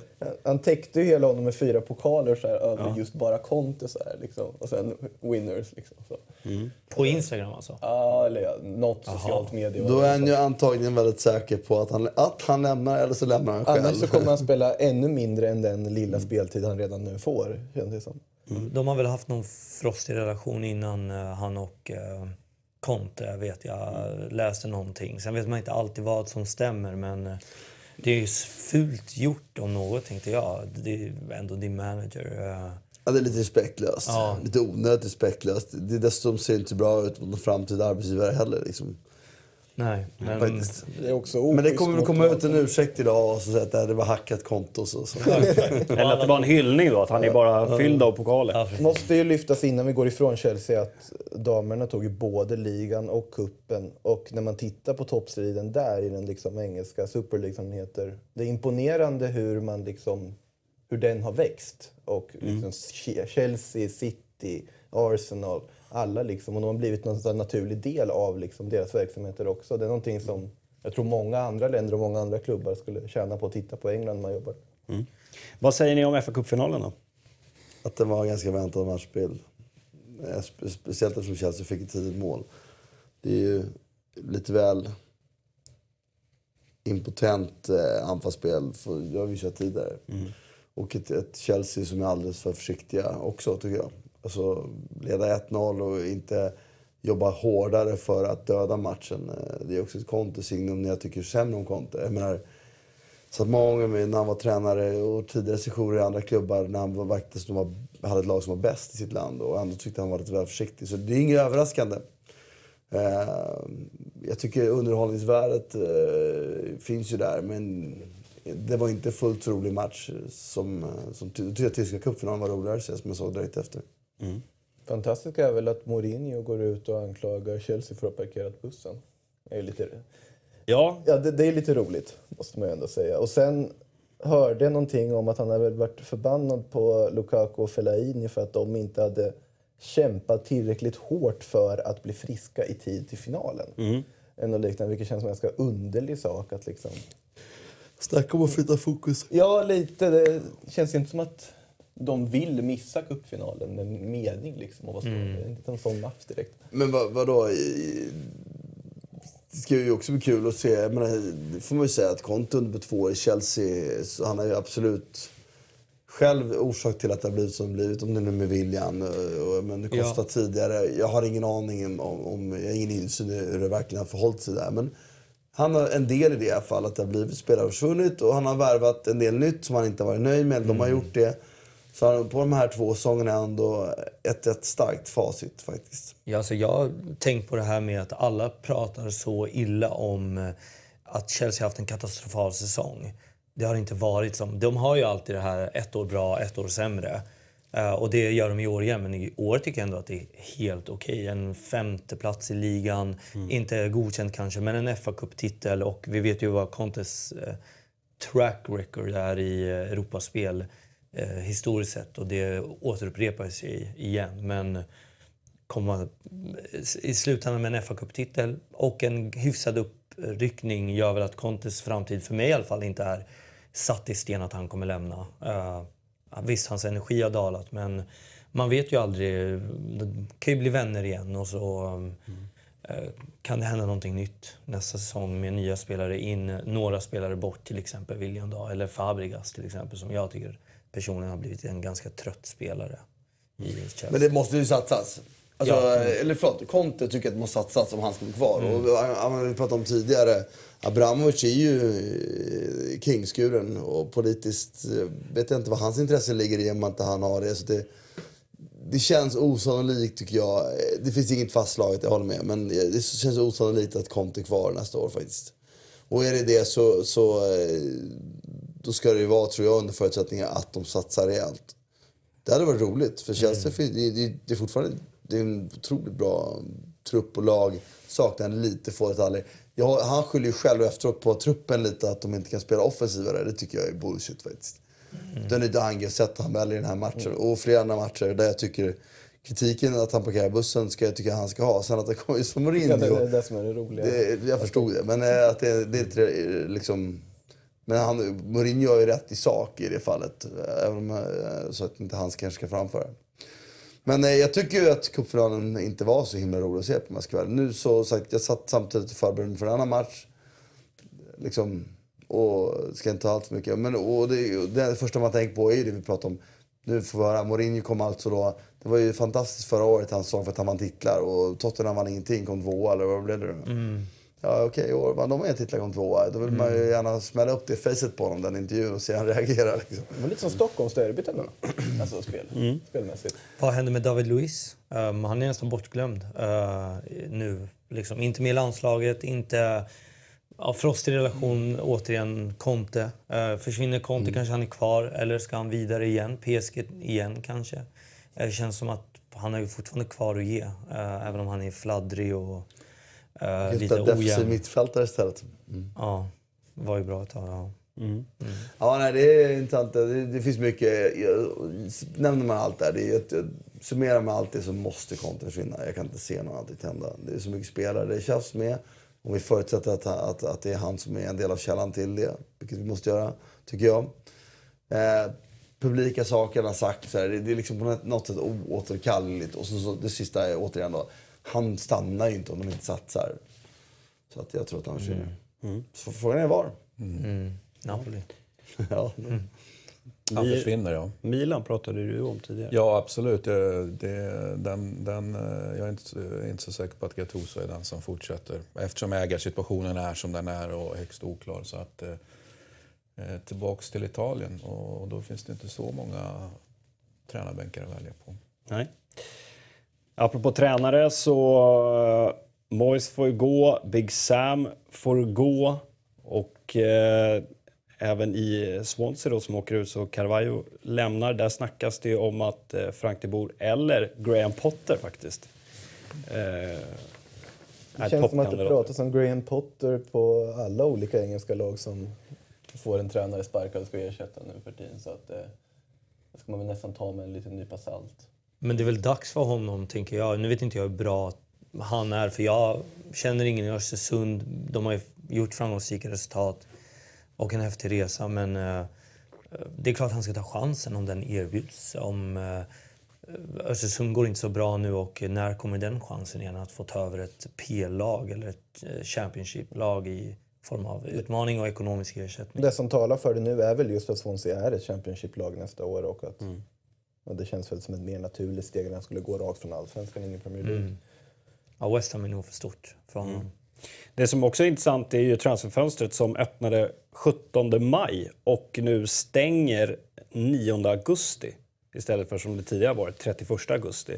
Det här har ju eh, många managers klagat på att fönstret fortfarande är öppet när ligan har spelat några omgångar. Vad tycker ni om det? Att det är fel. De kunde, alltså jag kan inte tänka mig att den där extra veckan gör så jävla stor skillnad. Faktiskt. Det vill säga, de kunde öppnat fönstret id- idag. Eller kanske efter Champions League-final till och med. Vad hade avgjort sig? Det viktiga är att ha det här nionde. För jag menar, affärer görs ju i, i februari ändå. Liksom. Det, det, det är inget som förändras. Det, du kan officiellt inte anmäla. Det är det det handlar om. ju. Du kan inte registrera en transfer. Vad spelar det för roll om du väntar två veckor? Så jag håller med. Men tränarna runt om och sportcheferna runt om är väldigt nöjda med den här förändringen. Kan man väl Ja, men du pratar om fel saker. Att den slutar tidigare i augusti är jättebra. Men att den Ja, det var börjar... det jag var ute efter. Det Ja, väl- bör, den börjar, att den börjar den 17 maj. Kunde ju börjat den 28 maj när Champions League är klar. Det var det vi pratade om. Och håll med om att det är ju... Jag trodde slut... eh, Alltså, Nej, men den slutet- viktiga grejen är väl ändå att, att, att den stängs tidigare. Är inte det Absolut. den Jo, men det var inte viktigaste? det Björn ställde frågan om. Men betyder det teoretiskt då att de... Eller?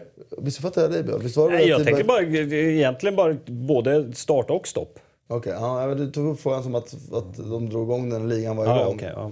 Ja, för att jag håller med. Jag tycker absolut att det är bättre att den slutar 9 augusti. Mm. Det är ju egentligen befängt att de håller på, alltså, eller antingen är det öppen hela tiden i ligan håller på eller så är det inte öppen alls. Men är inte 17 maj då en, bara ett, en följd av att den stänger 9 augusti för du måste ha ett visst antal dagar den öppen? Jo, men den parametern kan Ja. man ändra på. Den fyller inget syfte liksom. Nej. För vem, vem behöver stänga en transfer mellan 17 maj och 28 maj? Vem Det, det jag tänker om, om nu teorin, om vi leker med tanken, skulle då Chelsea kunna värvat in en extra spelare inför United-finalen om de värvar någon som inte varit registrerad för en annan klubb under säsongen?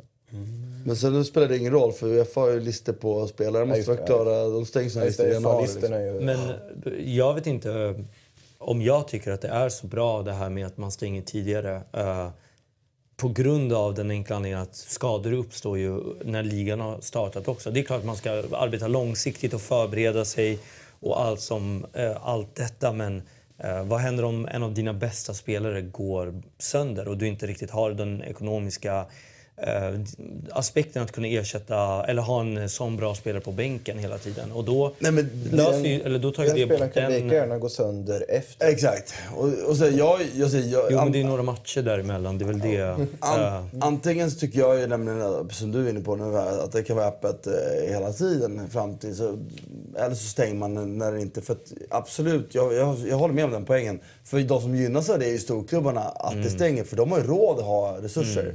jag menar, eh, en liten klubb som... som för då säger folk, ja, men vadå, om de skadas så, så kickar ju försäkringspengar in.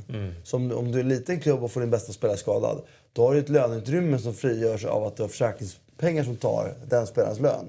Med andra ord har du råd att få ta in en till på transfer, fri transfer eller någonting. Men visst, de två veckorna där från eller till. Men det är lite konstigt när folk, som det har varit nu, när man har börjat ligor och så har trupperna varit klara. Och de spelar två matcher med ett lag, sen flyttar han. Om man nu ändå stänger fönstret så tycker jag att det är värt att offra de två, tre veckorna som du är inne på. Att, ja, visst, det är två, tre veckor mer där någon kan bli skadad.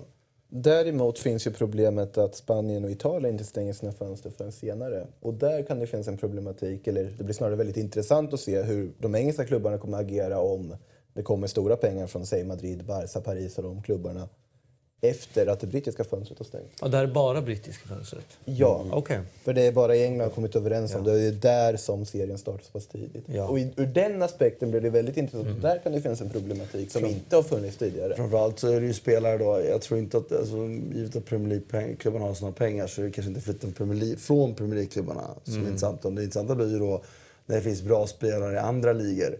Det är ju en poäng för Spanien och Italien och italienska klubbar att för, bedri, alltså, driva upp priserna med Premier League-klubbarna fram till det datumet. Görs inte affärerna kan man bara dra bort pengarna och så börjar man om på andra nivåer. Liksom.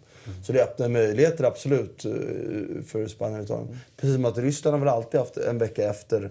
Ja. Att, ja, och det är ju bara av en anledning att då vet du vilka spelare som är lediga. Nu kan de inte flytta längre, nu kan vi helt plötsligt gå in och... Ja, Kina är ju samma sak. Ja, exakt. Men ja, det sätter ju... Det blir problematiskt, tänker jag, bara som en privatperson att följa med när stänger det fönstret, har det stängt eller inte. Det skulle vara bättre om alla bara hade samma fönster i alla ligor. Och det kommer vi få förr eller senare. Och rimligtvis innan eh, ligorna börjar.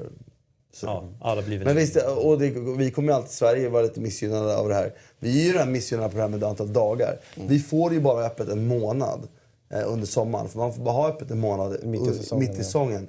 Det innebär att antingen väljer vi att ha första augusti till sista augusti, eh, som vi har haft ett antal år.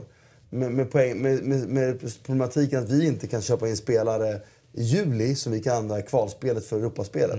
Utan vi, och, och omvänt då, flyttar vi fram en månad så måste klubbarna ta höjd för att 15 augusti stänger vårt fönster. 18 augusti kommer en Premier League-klubb och köper bästa spelare.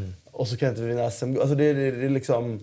Ur, ur den aspekten, jag tycker väl att första till eh, 31 har varit en bättre anledning. Idag, idag så har du en sorts mellanting. För att då har du dessutom att om du går in i första kvalomgången av Champions League till exempel eller Europa League, då hinner du inte registrera spelare första rundan innan fönstret öppnar ändå.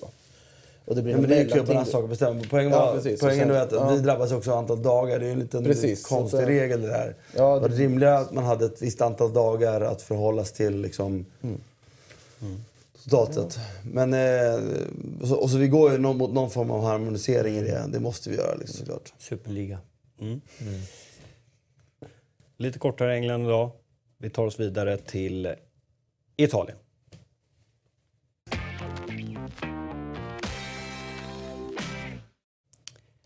Där vi ju hade, som vi pratade om tidigare, den stora, stora matchen eh, mellan Lazio och Inter som eh, avgjorde den sista Champions League-platsen. Och det blev ju alltså Inter som vann den kampen och eh, tar Champions League platsen till kommande säsong. Martin, du var expertkommentator under den här matchen. Vad, vad säger du om den här bataljen?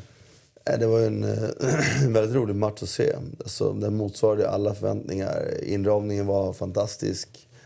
Stämningen var fantastisk. Det var en öppen match. Eh, det är alltid roligt att se Lazio spela för de spelar så, så fin blandning av eh, bra pressspel och teknisk fotboll till också vertikalisera. Alltså man går bakom, letar efter de möjligheterna och så har de flera individuella spelare som är jävligt roliga att se på helt enkelt. Och det blir alltid öppna matchbilder samtidigt som de har sina svagheter som vi också fick se inte exponera.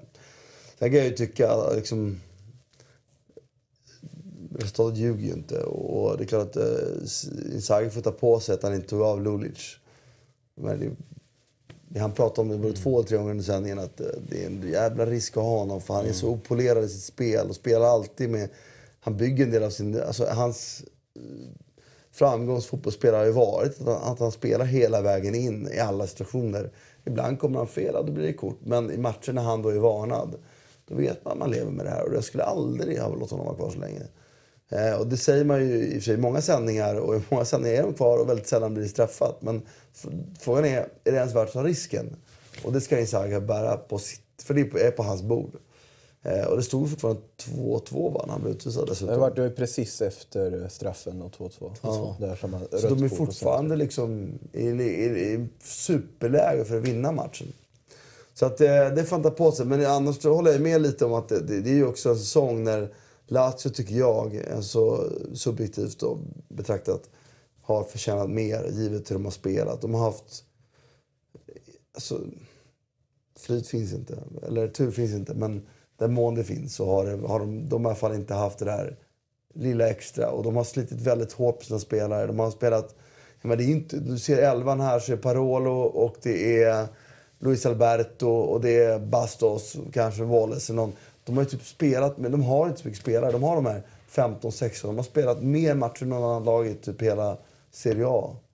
Juventus möjligtvis då. De har nött De åkte ut på straffar i Coppa Italia. Förlorade här på det här sättet. Förlorade på ett otroligt snabbt sätt i Europa League. De har gjort en otrolig säsong. Men det är också så typiskt att de, för Inter tycker jag i den här matchen egentligen inte förtjänade att få det här. För Inter spelar inte spelat bra alltså.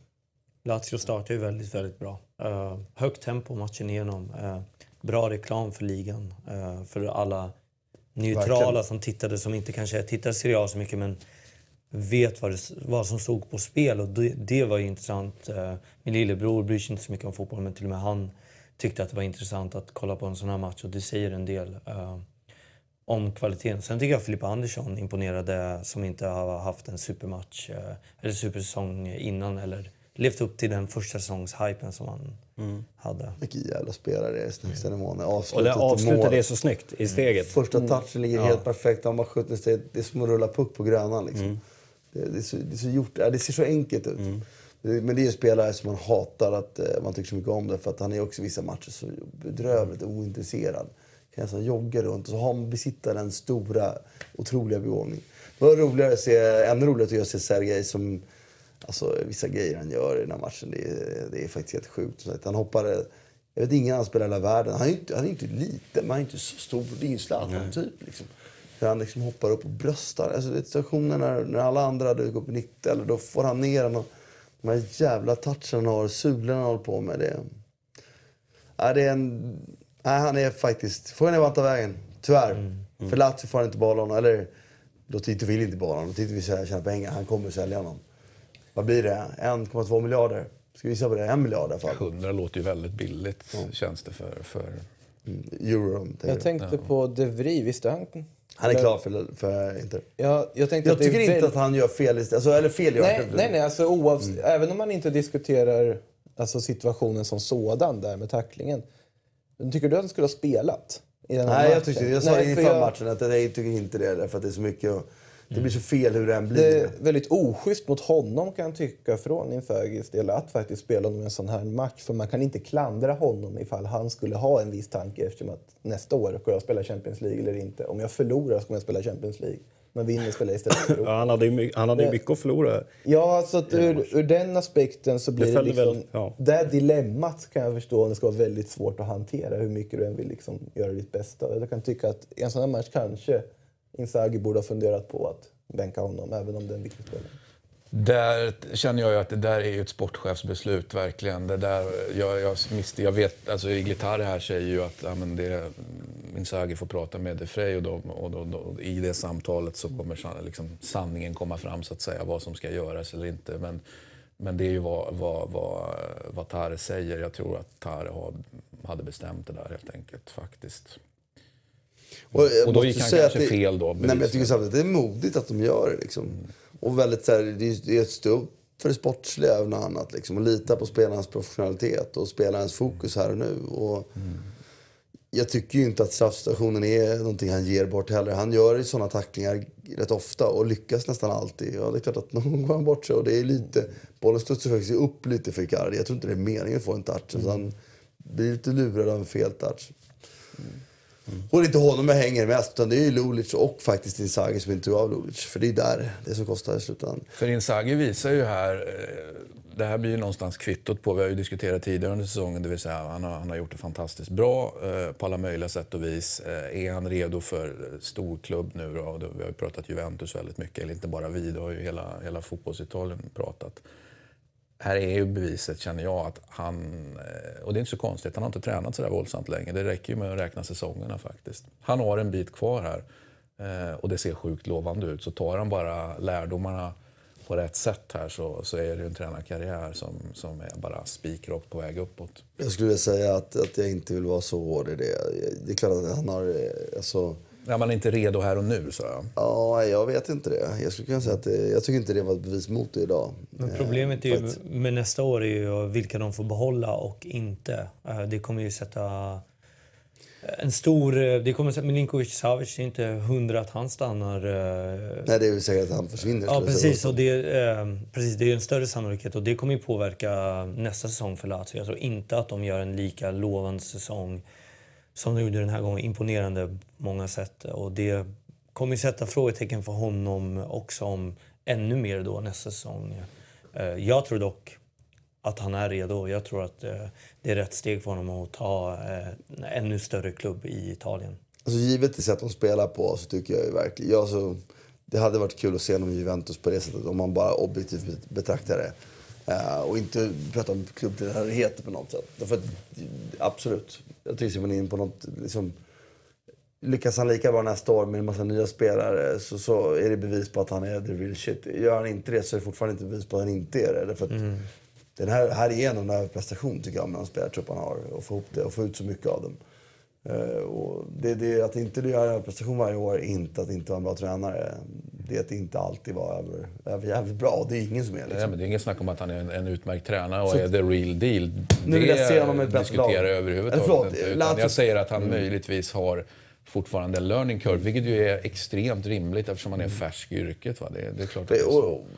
Precis, och, och det måste komma ihåg återigen. Då, alltså, Parolo och Luis Alberto som har varit två av de bästa spelarna var inte med i den här. Och tycker Murgia gör en jättebra insats. Eh, och sen ska man väl återigen, då, vi pratade om tidigare, som Luis Felipe, det är, ju- det är typ, alltså, de hittar de här spelarna. De flesta av dem är ju värvade, inte som nobodies. De är bra och bra, men tänk dig hur mycket spelare som plockas från Sydamerika och många lag som gör det. Och att ändå Lazio kolla utfallet på de spelarna de har fått in. Liksom. Ja, men det, blir, det blir kul att se Inter tillbaka i Champions League också. De Eh, kommer ju satsa. De kommer satsa och eh, nu kanske Perisic eh, stannar också med ett eh, Champions League-spel till nästa säsong. Vilket eh, jag, som, där mitt hjärta bultar för Inter, är fantastiskt. För jag tycker att eh, han är väldigt, väldigt viktig för dem och kommer att vara strålande i Europaspelet eh, nästa år. Så de kommer satsa och de kommer att eh, bli bättre. Jag tror att de kan utmana nästa år om eh, ligatiteln med rätt eh, värvningar. Vänd på det. Skulle inte Simone Inzaghi fått ut mer av det här materialet? Alltså jag tycker materialet är bra. Jag tycker bara igår, jag blir så trött att se eh, inte lite linjer. Det är så tydligt när man möter Lazio som har så mycket tydliga linjer när de spelar. Och så ser man då eh, Inter spela sidled en gång till. Och Brozovic, lika viktig som han är, lika stor begränsning är det med honom. Han spelar ju bara efter eget huvud hela tiden. Briljant, absolut. Men om det han ska vara briljant hela tiden kan de andra aldrig lyfta. Liksom. Vesino tycker jag är direkt dålig just nu. Och ändå är han typ en av de spelarna som jag ändå ser har, har en höjd med sitt sätt att spela. Liksom. De behöver bollen, men de behöver ju förstärka en central mittfältare till. De har en mittback klar. De måste hitta någon annan Kandreva. Men äh, ska, um, Kongo, Kondogbia är väl tillbaka efter... eh, Ja, nej, det blir, han blir kvar i Valencia. De har, ju- jag, vet, jag tror att Kondogbia-dealen innehåller en alltså köpklausul och med tanke på hur bra Kondogbia har varit så om den inte automatiskt eh, aktiveras så kommer Valencia aktivera den. Om det finns en så kommer han ju dra, men för mig skulle det vara otroligt att få tillbaka honom. Jag tror han löser alla problem som Absolut, har som, som han har varit nu i Valencia varit. så, så ska han göra det. Absolut. Spalletti stannar sig väl troligtvis också Mm. eh, till nästa år. Och det, och det jag sa det också, det är inget ont. Men jag, jag har svårt att se, det är inget ont om att de inte gör det, men jag har svårt att se att Lazio skulle satsa pengar. Alltså, skulle de gå till Champions League, det finns ju, de säger men nu skulle Lotito satsa. Jag tror inte det. Jag tror han hade sålt Savic ändå. Jag tror han hade sålt någon annan ändå. Och så hade han köpt in spelare som varit bra, lite som Dörrentis gör. Spelare som dag ett inte gör, lyfter laget, men som dag tre är värda massa pengar. För det är så de jobbar. De tjänar pengar på sina klubbar, för, först och främst. Otroligt skicklig, men det är också skillnad för italiensk fotboll när inte går dit. Förutsatt att de inte gör bort sig så kommer de satsa pengar. De kommer lägga sig en miljard på spelare. Och då får du en helt annan kvalitet och då får italiensk fotboll en chans till ett lyft som de väntar på. För jag tror ju ändå att det som gör att Serie A ändå inte riktigt tar steget upp och börjar hota eh, La Liga alls, och, eller nu Premier League tar ju kommit in emellan dessutom igen då, och det är klart före Serie A. Ja, det är ju för att de här Milano-klubbarna där resurserna finns inte lyckas. Liksom. När de går rätt så kommer Serie A absolut kunna ha två, tre lag med i kvartsfinal igen eller slåss om det.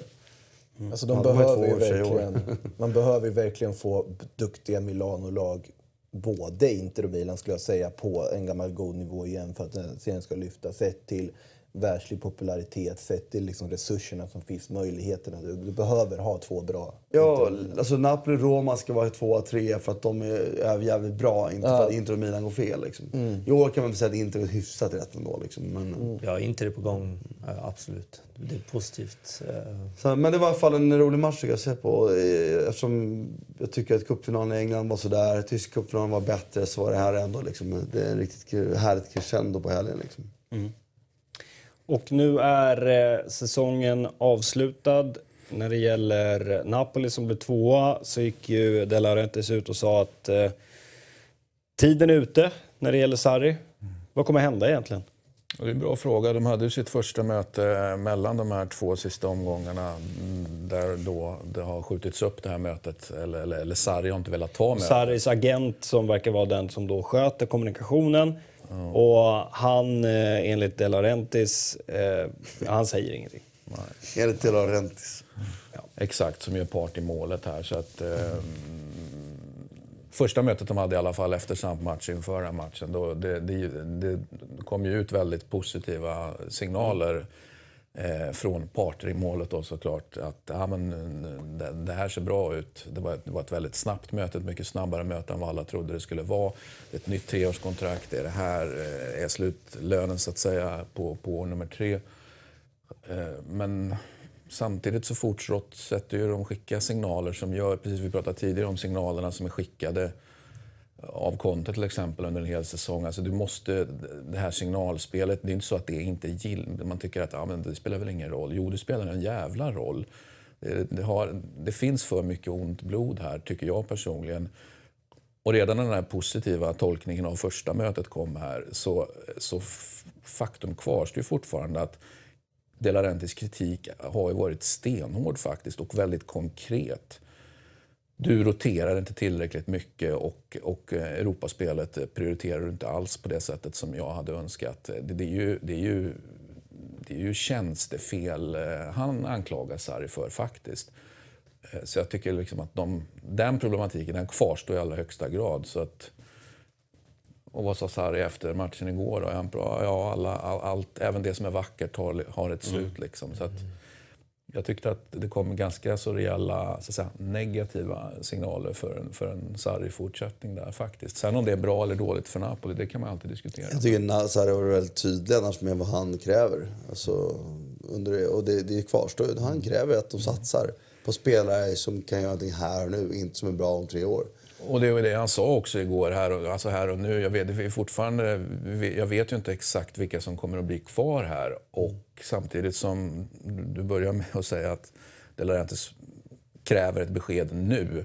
Trots att det nog är en, en Mercato, eller i alla fall igång här nu. Liksom, och bevisligen vill ju Sarri ha kvar de här. Det, det, sitter det är hur många spelare som helst på klausuler till exempel. Så att det finns ju grejer som eventuellt är, utanför De Laurentiis kontroll. Va? Men, men det, det är ju bara att aktivera alltså klausul på klausul på klausul på klausul. Alla har ju klausuler här eh, av de spelarna som någonstans är Ja, om de är viktiga att ha kvar. Det kan Jag har svårt kan att se att han blir kvar faktiskt om jag ska vara ärlig. De Laurentiis är ju en president som en lik Tito tjänar pengar på sin klubb. Han är, inte, han är intresserad av att köpa spelare nu, har varit och har gjort som om tre år kan, kan öka Mm. värde. Det är ju Vart ska han då?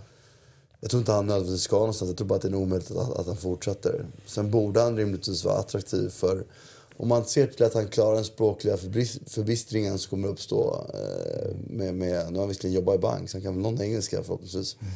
Men eh, så, så är han, borde han vara intressant för alla klubbar, eller alla ligor. Så att, Han har ju varit tydlig med eh, för, alltså för flera år sedan att han vill efter, efter Napoli så vill han utomlands. Och nu sa han ju det igen att det blir Fick- inget annat fick jag önska i Italien. så skulle, han, skulle jag vilja se i Barcelona. För jag tycker att hans fotboll har strandat på eh, individuell skicklighet. Han har, han har jobbat trots allt med spelare som är fjärde, femte bästa truppen här i Italien. Liksom. Den nivån på teknisk nivå. Kan, vad händer om man får de bästa tekniska spelarna? Det är möjligt att det blir ett pladask och är ingenting som är bättre. Men det är också möjligt att vi får se det vackraste vi har skådat. Och det triggar mig lite med, med liksom hela tankegången kring det här. Alltså, en del av mig ser på fotboll, det är precis som att jag vill se en viss typ av tränare. Jag, menar, jag kan inte gå och se Real Madrid på Santiago Bernabéu och, och, som Barcelona supporter bara tycker illa. Jag, jag blir ju liksom, ändå igång lite på att det finns någonting i varje sån sak. Jag tror att det hade varit kul att se honom i, i någon klubb i alla fall, men där den tekniska nivån är på absolut världsklass rakt igenom. Jag, Det kan gå, för- men det hade varit, för jag tycker han spelar, han bygger upp den, i mitt tycke, mest kreativa fotbollen just nu i alla fall. Tillsammans Ja. med Guardiola möjligtvis. Jag tror att han skulle vara briljant i eh, Arsenal. Med tanke på vad de har haft eh, och kan få in. eh, istället för vad det nu ryktas om, till exempel att ta in eh, ja, men en eh, gammal spelare i form av Arteta eller Cazorla vid sidan och Henry. Eh, alltså, absolut, det är ju stora spelare och eh, bevisligen har ju Arteta gått med Guardiola eh, vid sidan av, men vi vet ju inte vad han har lärt sig eller vad han har haft för inflytande där eh, och bara stått vid sidan. Men jag tror att en sån som Sarri med den transferbudgeten som finns i engelska klubbar att jobba och röra sig med den truppen som finns i Arsenal idag som är ganska spännande vare sig man tycker eller inte eller vad eh, Borrell tycker om Arsenal eller inte. Men jag tycker att den ser spännande ut och han kan verkligen få utväxling på de spelarna som finns där och vad som kan komma in med hans ja, men, eh, management och eh, sätt att göra. Och sen har han ju det här charmiga, tror jag, som skulle vara antingen hatat eller älskat i England. Och det skulle sätta fart på den ligan med en, en annan sorts tränare än de eh, Jag tycker också det är finns. spännande. Dock så ställer jag mig frågan till om... Alltså jag, Arsenal-truppen är, och jag håller med om att den är bättre än vad folk säger. Klart bättre än vad folk säger, eller vad folk verkar, tro- verkar tro. Men eh, jag vet heller inte om det har det. Alltså, det är klart att den är, är, är bättre än Napoli på många platser, på de flesta platser. Men är verkligen den tekniska nivån så pass mycket bättre? Jag skulle vilja se honom med de mest tekniska spelarna i hela världen. Och det finns inte i Arsenal. Då, men visst, jag håller med. Det har varit spännande. Jag säger, sen, sen är det nästa grej. Han är ju väldigt italiensk, Sarri, i sitt sätt att vara. Mm. Vidskeplig på ett sätt som jag tycker är väldigt italienskt. Liksom skrämmande töntigt. Samtidigt är han ju en sån karaktär som har gått rakt... Alltså, han har ju lämnat Italien bakom sig på det sättet. Han är ju worldwide nu. Sarri är ju så att säga kung över hela Absolut, världen. men- Det finns ju ingen som liksom inte gillar honom. Nej, men förstå så bara han är ju ett bra case. Jag pratar bara om, ja, ja, och det, det, jag pratar mest om att hans, hans ledarskap är ändå, måste vara sprunget ur hans personlighet. Hans personlighet är ju superitaliensk, syditaliensk på många vis ju. Är det gångbart att träna Arsenal? Jag vet inte fan. Är det gångbart att träna Barcelona? Det är, det är den, liksom, funkar den kulturella förändringen? Sen vet jag ju också att, att alla spelare i slutändan, även om någonting som, någon som verkar som en, de tycker första anblicken är en jättepajas i ledarskap eller i, i kultur eller vad det nu är.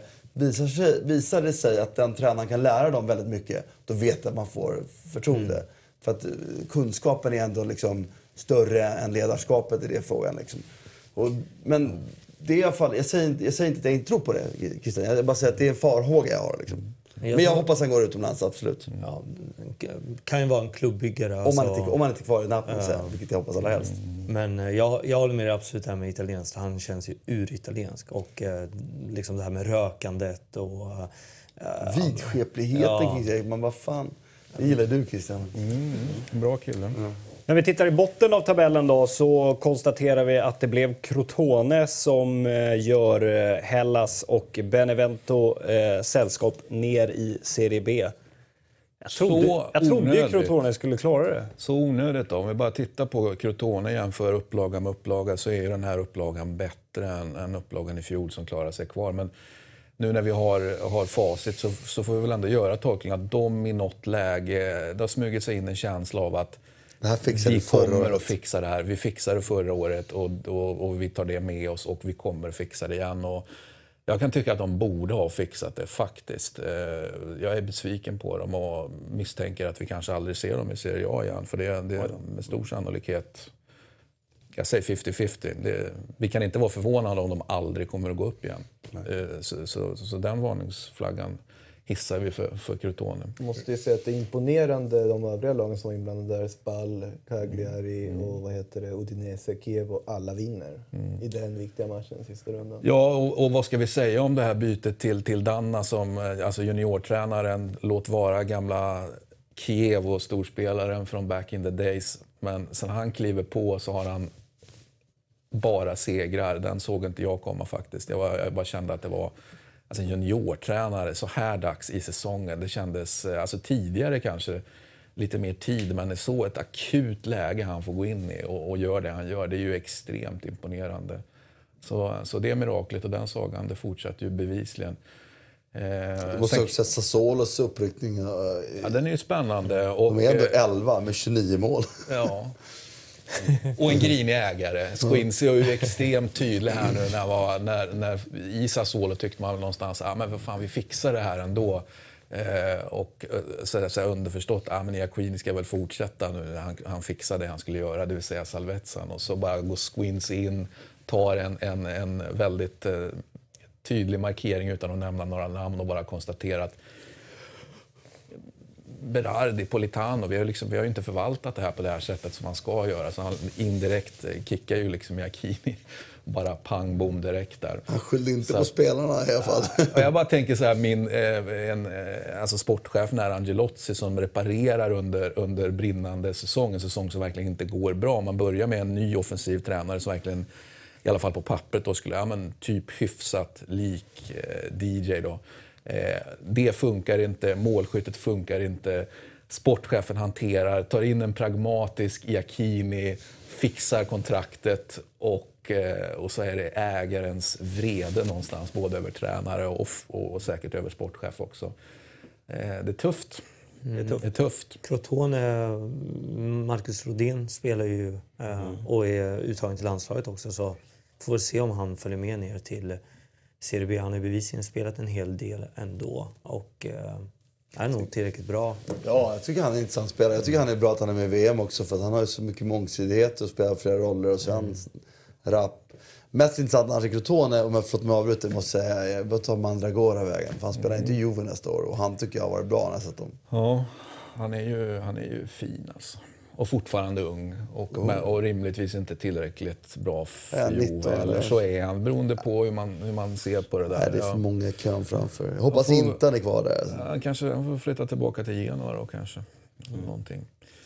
Men det, det är häftigt att se och det var, var, var kul då att, att det så välskötta Spall då ändå gjorde, mm. gjorde det man gjorde. Det tycker jag är, man ska premieras för. Och, starkt av dem att klara av det där. Och, och nästan då var på samma poäng som Bologna. Om vi nu håller oss i det här området som ju är Emilia Romagna så, så är det ju ändå anmärkningsvärt så här långt in på, på ostmiljardär Saputos projekt i Bologna eh, så är han då bara en poäng över en nykomling och hyfsat många poäng efter Sassuolo som ju ligger i samma region.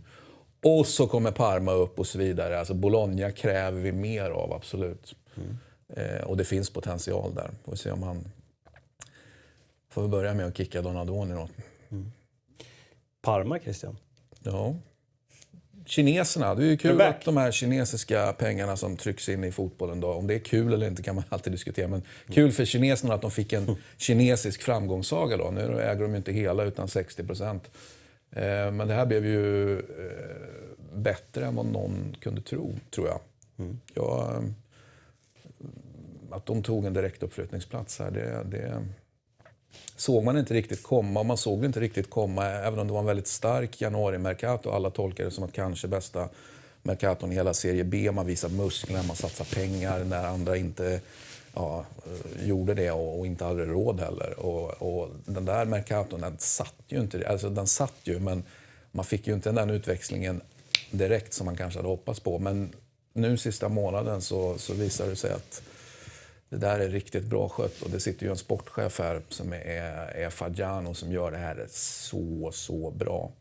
Han klev ju på under, under eh, förra säsongen eh, och, och då stod ju diskussionen i Parmaland vilken som skulle bli sportchef och då var det just Spals Vanjati då, eh, sportchefen där.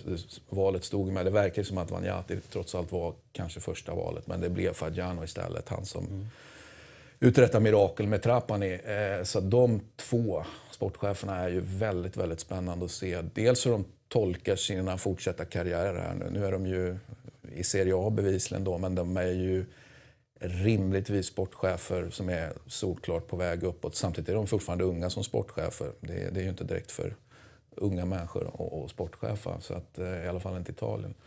Så spännande att se om de stannar kvar i sina respektive klubbar eller om det är så att det kommer andra klubbar och, och knackar på dörren. På tal om att inte spela fel spelare i fel match så eh, när vi pratade om Lazio och Inter då, eh, så eh, såg jag en vän då straffen som Gilardino tar och jag vet inte om ni har sett den men det ser ju ut nästan som att han missar med flit där mot Parma när han drar den här känsliga chippen över mål så man kan ju alltid prata om eh, påverkan från eh, folk i kulisserna och ett antal eh, pe- lite pengar inblandade. Men Liksom om man tror på att det utanför planen spelar roll så kan vi bara konstatera att, eh, och att det finns en, en liksom antipati eller en välvilja mot någonting eller en, en neutralitet eh, liksom där ute, att man vill att någonting ska hända. Så, så att, att Parma skulle att det skulle sluta väl för Parma. Jag menar, det, det är ju väldigt många som vill det. Så jag menar, det finns ju en naturlig press, skulle jag vilja säga, i push liksom, för att ja, men, hoppas, hoppas att det går bra för Parma. Ja, men nu när de har det här läget, ja, men vi hoppas att de fixar det. Så att, med, med, med det sagt så slogs väl Frosinone mot en, en hel nation. Liksom, mer eller mindre. Men, men jag kan tycka att jag är fortfarande förbannad på Parma. För jag menar, en sån rik stad och eh, så många gånger misskött så att de till och med har behövt liksom gå i konkurs och bilda om föreningen. Det är ett sånt jävla underbetyg till, till Parma som, som fotbollsstad. Så att, eh, jag kan bli lite irriterad över att de får liksom chans på chans och har de här... Den här gången så var det ju Barilla, var ju en, det var ju sju affärsmän som gick in då när de, de kursade och sen eh, satsade ju inga stora pengar eftersom det var serie D. Då behöver det inte vara så där våldsamt stora pengar. Men du har eh, någon miljardär här och, och, och hyfsat kompetent folk där, ja, men livet blir lite lättare onekligen. Så är det. Så är det. Jag tänkte lite på uppstuds nu. Eh, att eh, vi summerade ju eh, Premier League förra veckan med eh, säsongens manager, spelare, unga spelare. Ska vi dra det i Serie A också? Tycker jag. Har ni någon säsongens spelare? Sergej säger jag. Absolut. Klockren. Jag tycker det finns ingen sån man tänker... Vad Blir han in- då också säsongens unga spelare? Nej, fan 95 Du drog kriteriet 96 för honom. Ja, ja, okej. Mm. Men det tycker jag också, för det, det finns ju ingen riktigt i Napoli som har klivit upp och skulle kunna vara så att säga, ett argument mot Sergej, tycker jag. Samma i Juve, det finns liksom inget. Så att jag tycker att det är ganska självklart att det Ja, jag är håller Milinkovic med. Savic faktiskt. Vem är unga, spelarna? Det är svårare. Cutrone kanske. Donnarumma skulle ha varit aktuell om vi tar de sista typ två månader. Nej, jag vet inte. På, jag har inte tänkt på det. 96 i Italien. Vilka Hur var det gammal är bra? Betancourt? Han är 96 man har inte spelat ordinarie. men det är Lite för lite speltid på honom. Har mer. Finns det ingen som har spelat som är så pass ung? Det är ingen som har briljerat. Eh, Eh, Juve är ingen startat som är så ung va? Inte Napoli. Roma då? Var Vad Pellegrini han? mer. Turken. Cengiz Ynder. Ja, Ynder skulle man ju faktiskt kunna komma undan med att nominera. Pellegrini då? Det- Hette han också 96? Ja. Han har faktiskt startat Han har ju varit bra också, Ja. absolut. Ja, men och framförallt spelat, eller Ynder har ju spelat också mycket, men, men de två har ju faktiskt spelat väldigt mycket som unga spelare. Och neråt i lagen. Fan, det, är- nu, det här känns som att där borde man ha någon... Det finns ju någon av de här sämre lagen som har varit riktigt bra. Säsongens manager då? Eller tränare? Jag tycker Sarri. Jag tycker också Sarri. Alltså, jag skulle säga Sarri, men eh, någon sorts känsla säger ändå Allegri det han gör. Alltså, jag tycker det är imponerande. Trots spelartruppen, trots att vara det största laget, att vinna i år igen.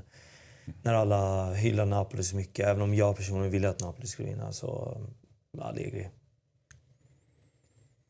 Ja, med, ett, med en annorlunda sista omgång och utfall hade jag skulle kunna tänka mig att säga Simone Inzaghi, men det gör jag inte nu utan jag säger Allegri.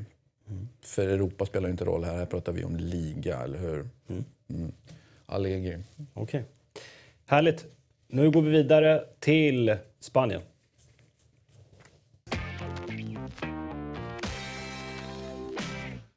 Alltså, jag vet. Där ju vi faktiskt har eh, en Europa League-mästare i form av Atletico de Madrid. Och eh, finalen som spelades i onsdags... Eh, Det blev ju jättetråkigt. Jättetråkig. Ja, Ja. det var ju bara att stänga av ganska snabbt. Det, var ju Ja, det kändes avgjort tidigt. Vad förväntade du dig om du skulle se Atletico i den Ja, finalen? nej, men alltså, det är ju alltså om man lever på hoppet. Det var det jag gjorde. Jag tänkte jag hoppas att få se eh, en inte så stor skillnad. Och sen kändes det som, oh shit, det här var Ja, men det blev ju extra stor skillnad för att de fick tidiga mål också. Nej, men det var väl eh, programenligt. Det var ju faktiskt... Eh, det är inte alltid man får rätt i det, men det kändes som en superklar... När de åkte ur eh, Champions League och Europa League kände man att de här måste vinna Europa. Alltså, något sjukt ska hända. Och det höll ju på något sjukt. De fick ju utvisning efter 10 minuter mot Arsenal. Ändå vinner de den. Och första mötet är tur, men var helt överlägset andra mötet. Och i finalen, det var för jag håller med, det var lite... Så matchen blev, blev, blev det för stor skillnad. För det passade dem. De fick ju den matchbild de ville ha. Då var ju tyvärr Marseille... Och extremt imponerande att de gör det med Simeone i sista matcherna på, där uppe. Det tycker jag för mig, jag drar ganska stora växlar på just det där huruvida tränaren faktiskt står där eller inte. Och jag tror jag drar lite extra stora växlar i Simeone-fallet faktiskt. Att han, jag inbillar mig att det spelar roll att du har en Skönt den att hitta av honom på karaktär. linjen. Ja, eller hur? Andas ut, fullkomligt livsfarligt. Den spelar på hans kant springa upp och ner. Men han, han känns så... Alltså, jag har alltid gillat en tränare som visar känslor. Och visserligen gör inte alla tränare det på gott och ont, men det känns som att han älskar dig och skulle göra samma sak för dig. Så det känns ju som att eh, hans aura spinner ner på planen oavsett om han står där uppe eller nere. Men självklart den här sista skriket som han alltid får till eller pushar upp och ner, det är en annan sak. Så delvis har det betydelse tror jag, men han är klubben. Han är någonting helt annat och eh, nu tycker jag det är dags för honom att dra. Det säger man nästan varje gång. Men eh, han är mm, ett fenomen eh, som eh, eh, inte går att förklara och eh, att han vinner så här självklart år efter år. Eh, eller gör framgångar år efter år och får kröna det med en Europa League-titel var eh, värdigt och nu är det dags att lämna. Alltså vann han inte Europa League första säsongen han var med. Så nu har han alltså två Europa League-titlar, slut- två Champions League-finaler. De har också två Champions Och League-finaler, vunnit ligan mellan där och kommit tvåa två gånger. Alltså det är en makalös... eh, Alltså när ska Atletico Madrid få samma framgångar igen? Alltså aldrig mer. Det är ju en helt... Nej, för den där Champions League-titeln, den, den skulle de ju ha vunnit. Där fanns chansen. Jo, men det är en, en titel ett år, var jag med och slår ut sex år. Med såna, eller fem år med sådana framgångar totalt sett. Sen kanske de en enskild säsong kan vinna Champions League, det säger jag ingenting om. Och den säsongen i sig kanske blir större än i Simeones enskilda. Men att under så många år ligga på så hög nivå med de resurserna som inte... Det är ingen kattpiss de har. Det är en rik klubb, men de tävlar mot klubbar i världen som de slår hela, eller hela sin naggar i kanten som har det ännu större. Men de har ju verkligen växt till att faktiskt vara... Nu är det inte the big two, nu är det the big three. På allvar. Och det är ju ett resultat av att Men inte ute i världen, det är det som är grejen. Alltså, I Spanien de som kan något. Men åker du till exempel då till USA. Ingen, ingen vet vad Atletico Madrid gör eller vem Simeone är. De vet vem Griezmann är, möjligtvis. Men eh, de är inte stora och eh, vi... eh, Även vi i Sverige kan liksom räkna bort dem när vi kollar på tabeller eller titlar.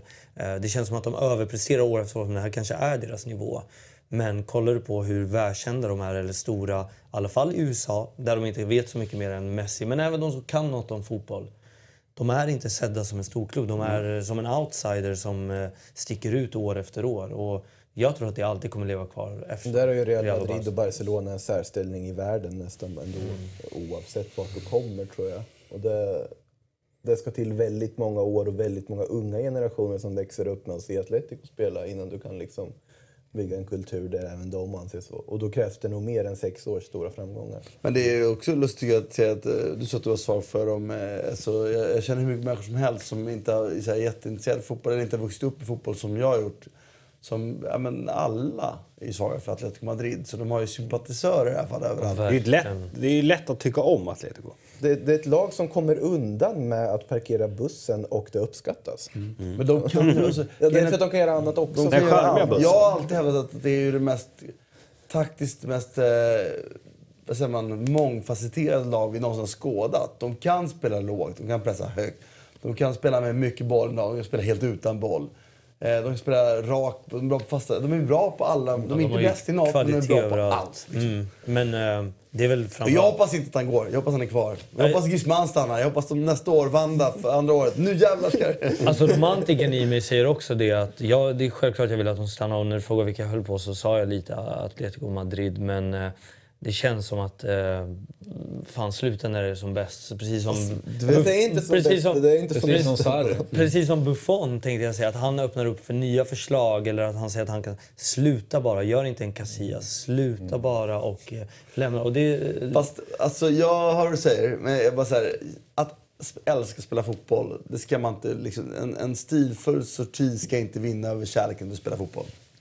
Nu, om vi pratar om Buffon, han är mm, tillräckligt gammal eh, för att sluta, men han är tillräckligt bra för att fortsätta. Men jag, Absolut, jag kan men- säga så här, om man har spelat 17 år i det här laget, han är inte heller en Juventus-fostrad. Han gick en gång från Parma till Juventus. Det hade varit mäktigt om man gick till Parma istället. Det, det, det hade absolut varit mäktigt. Men Om kan nu gillar att spela fotboll så mycket. Jag kan förstå att han känner...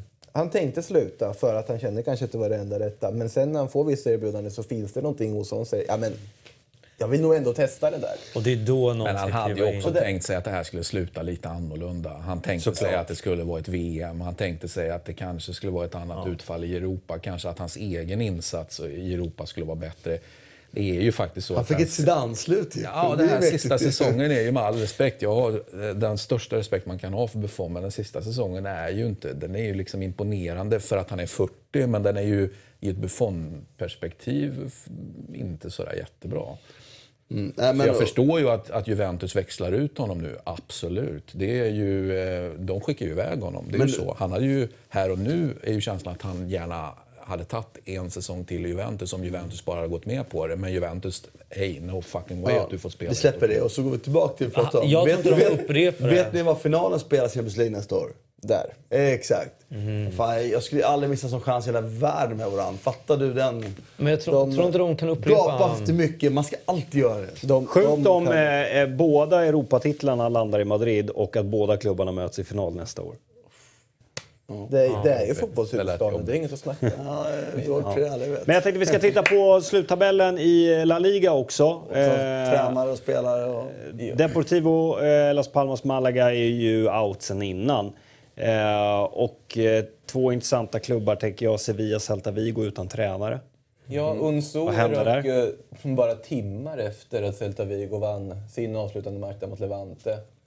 Och eh, Sevilla har ju sedan tidigare då gjort med av med Montella nu efter säsongen. Och det man undrar är ju vad kommer de att anställa för folk? Särskilt med tanke på vilken, många otroligt intressanta tränare som har kommit upp i den här ligan i år och lyckats. Och hur många från Saudiarabien kommer spela i La Liga nästa säsong. Ja, det, hur många tränare från Saudiarabien som vi har är också en- Men jag tänker ju, för det jag funderar lite där är, Sevilla och Celta Vigo i grunden är lag som spelar en frejdig offensiv fotboll. Det ligger på något sätt i deras natur. Det ska vara ett liksom roligt lag att se på. Men eh, de har ju också lidit av att man inte riktigt har den här stabiliteten bakåt. Vad är det för typ av tränare man skulle kunna vilja ha in där? Det är väl lite det jag tänkte. Vad tycker ni? Jag har inte tid med nu känner jag. Vi låter den ligga och bubbla då. Ja, lite, vi är lite Då tar stressade. vi när säsongen kör igång igen sen. Årets tränare då? För jag, jag tänkte just på det nu. Det för mig står mellan Simeone eller Marcelino. Där Simeone har vunnit Europa ligan, tvåa ligan. Men Fast det ligan. kanske handlar om ligan här då. Och För det är så såg vi jo. ju när det var på I sådana fall, tvåa i ligan är ju fantastiskt. Och jag tycker att Marcelinos eh, återupprättande av Valen- Valencias heder är anmärkningsvärd. Eh, det, eftersom jag tillskriver den honom e, enbart, vill jag säga. Även det är sportsledning som verkar ha fått ordning på det sen bytet så är det ändå Marcelino det står mellan Simeone. För mig står det mellan tre faktiskt. Marcelino är en av dem. Sen är det Kike Setien och sen José Bordalas. Före det skulle jag välja Valverde också för att någonstans har han ändå vunnit ligan. Jo, Ja. eh, men det där var Barcelona har vunnit en på kommer man till sen nu ska ta bästa spelare, känns det ju som. Eh, sett igen skulle jag väl inte säga efter hösten, men sett till hur hans Betis då, som släppte in mål på skoj i princip under hela hösten, men spelar jättetrevlig offensiv fotboll, har täppt igen under våren. Hur han har fått ändra det. Tagit in Mark Bartra som har varit lysande under våren i Betis. Det är ganska imponerande att se att Setien kan sätta ett försvar. Då känns det som att han är menad att göra ännu större saker än kanske bara Betis. Och han, det tycker jag man ska lyfta och Europaplats med Betis är ju fantastiskt bra. Det är bra faktiskt. Bordalas, att ta Getafe till åttonde plats med den truppen de har och släppa in så få mål. Och spelar faktiskt rolig fotboll också. Det också. Och Marcelino såklart av de anledningarna. Så. Och, det är svårt. Jag tycker det är en ganska enkelt faktiskt. Jag säger Marcelino, eh, absolut. Det, han, han stressar ändå de här Madrid-lagen poängmässigt och har en, en betydande distans neråt. Det går ju att argumentera för att både Villarreal och Betis och Sevilla är tillräckligt stora piazzer så att de skulle kunna liksom utmana uppåt. Jag, jag tycker Marcelinos insats är alldeles utmärkt bra och räcker till nominering och vinna. Med tanke på Martins tidsbrist och eh, Christians väl motiverande utläggning av Marcelino säger jag utan tvekan Marcelino. Okej. Årets spelare. Säsongens spelare. Tråkigt att behöva säga det, men det går inte att säga någonting annat. Det, alltså det, det räcker med att se på den där 5-4 matchen som Levante vann och bröt sviten för att se hur fruktansvärt viktig Messi har varit. Det räcker att se på statistiken för att se hur fruktansvärt viktig Messi har varit. Så det är ju inget snack om. Nej, det är Messi. Unga spelare. Kan någon annan få börja? Guedes. Guedes Tänker jag Ja, på. bra faktiskt. Jag tänker på Fabian i Betis, även om han har fyllt 22 då. men Asensio är då? 96. Inte, inte i ligan. Alltså sett till vad han har gjort. Fast han alltså, var ju bra under hösten. Jag, jag, Men han har inte fått tillräckligt mycket speltid. Alltså, Guedes har nästan lett Valencia-offensiven.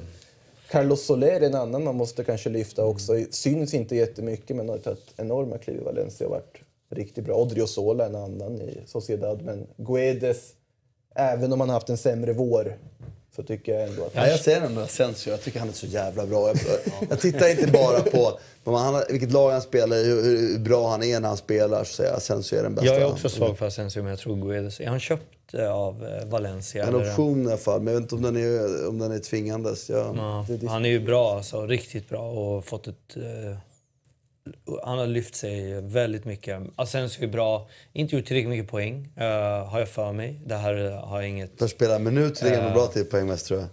Troligtvis börja spela minut, men då borde han ju vara startspelare. Fast det är Real Madrid vi Ja, fast pratar om. det, alltså, han är ju, om man ser i kvalitet så skulle jag säga att Asensio är högre. Om man tittar på just det här utnämningen Årets unga spelare i ligan, då tycker jag att Ska inte det gå till den bästa unga spelaren i ligan då?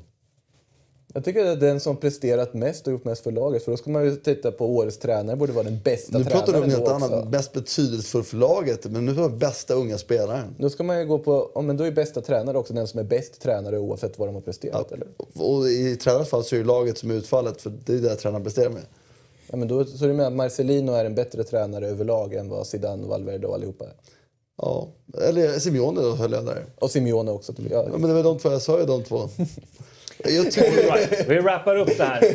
Genom att jag drar en lans för Longley som inte på något sätt har haft det lätt i... eh, Alltså han har haft det jobbigt han har varit bra i med tanke på ett vilka tränare jobbigt han har haft. Nej men alltså Longley, watch out. Han är på väg åt väldigt rätt håll. Vilken fin fotbollsspelare. Martin, avslutningsvis. Asensio? Nej. Champions League-finalen på lördag. Ja, Några korta ord bara. jag tror att Liverpool vinner. Ja, det var korta ord. Ja, men jag tror att eh, Real Madrid är ju... eh, De är absolut bättre än Liverpool på alla vis. Men de bjuder på... De är väldigt generösa i sitt sätt att spela. Och om inte Zidane ändrar det, vilket han kan göra. Zidane gör ju ibland taktiska kaniner i hatten. Eller förändringar som man inte ser. Eller förväntar sig. Men lyckas han inte bromsa det och, och så, så är Liverpool så, så jävla bra på att utnyttja just de typerna av ytor. Eh, och då, då ska... Eh, och eh, Liverpool som får ledningen och får göra kontra. Det blir tufft även för Real Madrid. Så. Mm.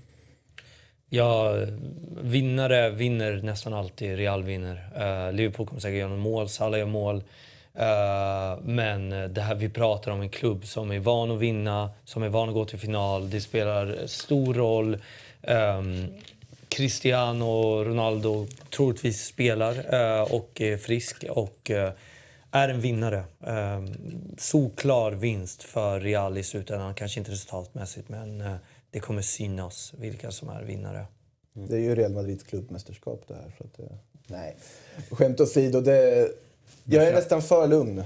Jag Så tänkte säga att du utmanar ödet lite där borta. Ja, jag vet. Jag, jag är nästan för lugn inför den här finalen och det i sig oroar. Extremt oroväckande skulle jag säga. Att du ens, att du ens berättar det. Det, det är ju... Det är man inte tror på vidskeplighet, vilket jag inte heller gör. Och jag litar på att Modric ser till att det här, världens bästa mittfältare, ser till att det här landar där det bör landa. Men, eh, men det är ju varningsflagg. Momentumet Liverpool har är ju ett... Och det du pratar om historien och, och, och Real, alltså det finns ju en, en Liverpool-historia här som är eh, hur fin och vacker som helst. De har faktiskt spöat just Real Madrid i fin- Europafinal tidigare. Jag skulle kunna spela historiekortet också i, Liverpool-läget faktiskt. Det går att, det går att deala det kortet åt Ja, men båda hållen. just trupperna tänker jag. Det är så mycket Jo, vinnare. ja, jag håller med om det. Alltså, det är klart att truppen är Men bäst. historiskt Men, sett, eh, ja. Du då Björn? Ja, jag säger nog Liverpool faktiskt. Jag tror det. Jag tycker, jag tycker ändå Liverpool på något sätt har ordnat upp sin defensiv lite mer än vad till exempel Real har gjort. Och eh, jag tror att det straffar sig. Vi får se. Långt avsnitt, roligt avsnitt. Jättekul att ha dig här Simon. Och eh, även Makoto, du är ändå lite en i gänget på det sättet. Eh, Simon är det nu. Eh, du är varmt välkommen tillbaka. Vi kanske kan ha det på Skype ibland när du är borta och Ja. i jänkarland. Precis, jag har en podcastmix uh, det blir bra ljud i alla fall. Ja, bra. bra ljud och bra tankar. Eh, tack hörni för idag. Martin har... Eh... Du är stökig nu Martin. Nu går det åt helvete för Åslund. Det blir uppesittarkväll av det här. Ja. Verkligen. Precis, Kenny Pavey-varning på Kan, kan du Martin. flytta dig lite? På... Jag kan... Så. Han är redan uppspelt inför Champions League-finalen. Han är Det alldeles sprallig. Ja. Men det är härligt. Flyg går 4.50 på fredag morgon. Ja, just det. Du ska dit. Ja, det var därför det blev så bra. Ja, du ska till matchen. Tack hörni för att ni har tittat idag. Eh, missa inte tävlingen eh, där ni kan vinna den här härliga projektorn och missa inte heller Eurotalk Weekend på torsdag. Eh, på återseende.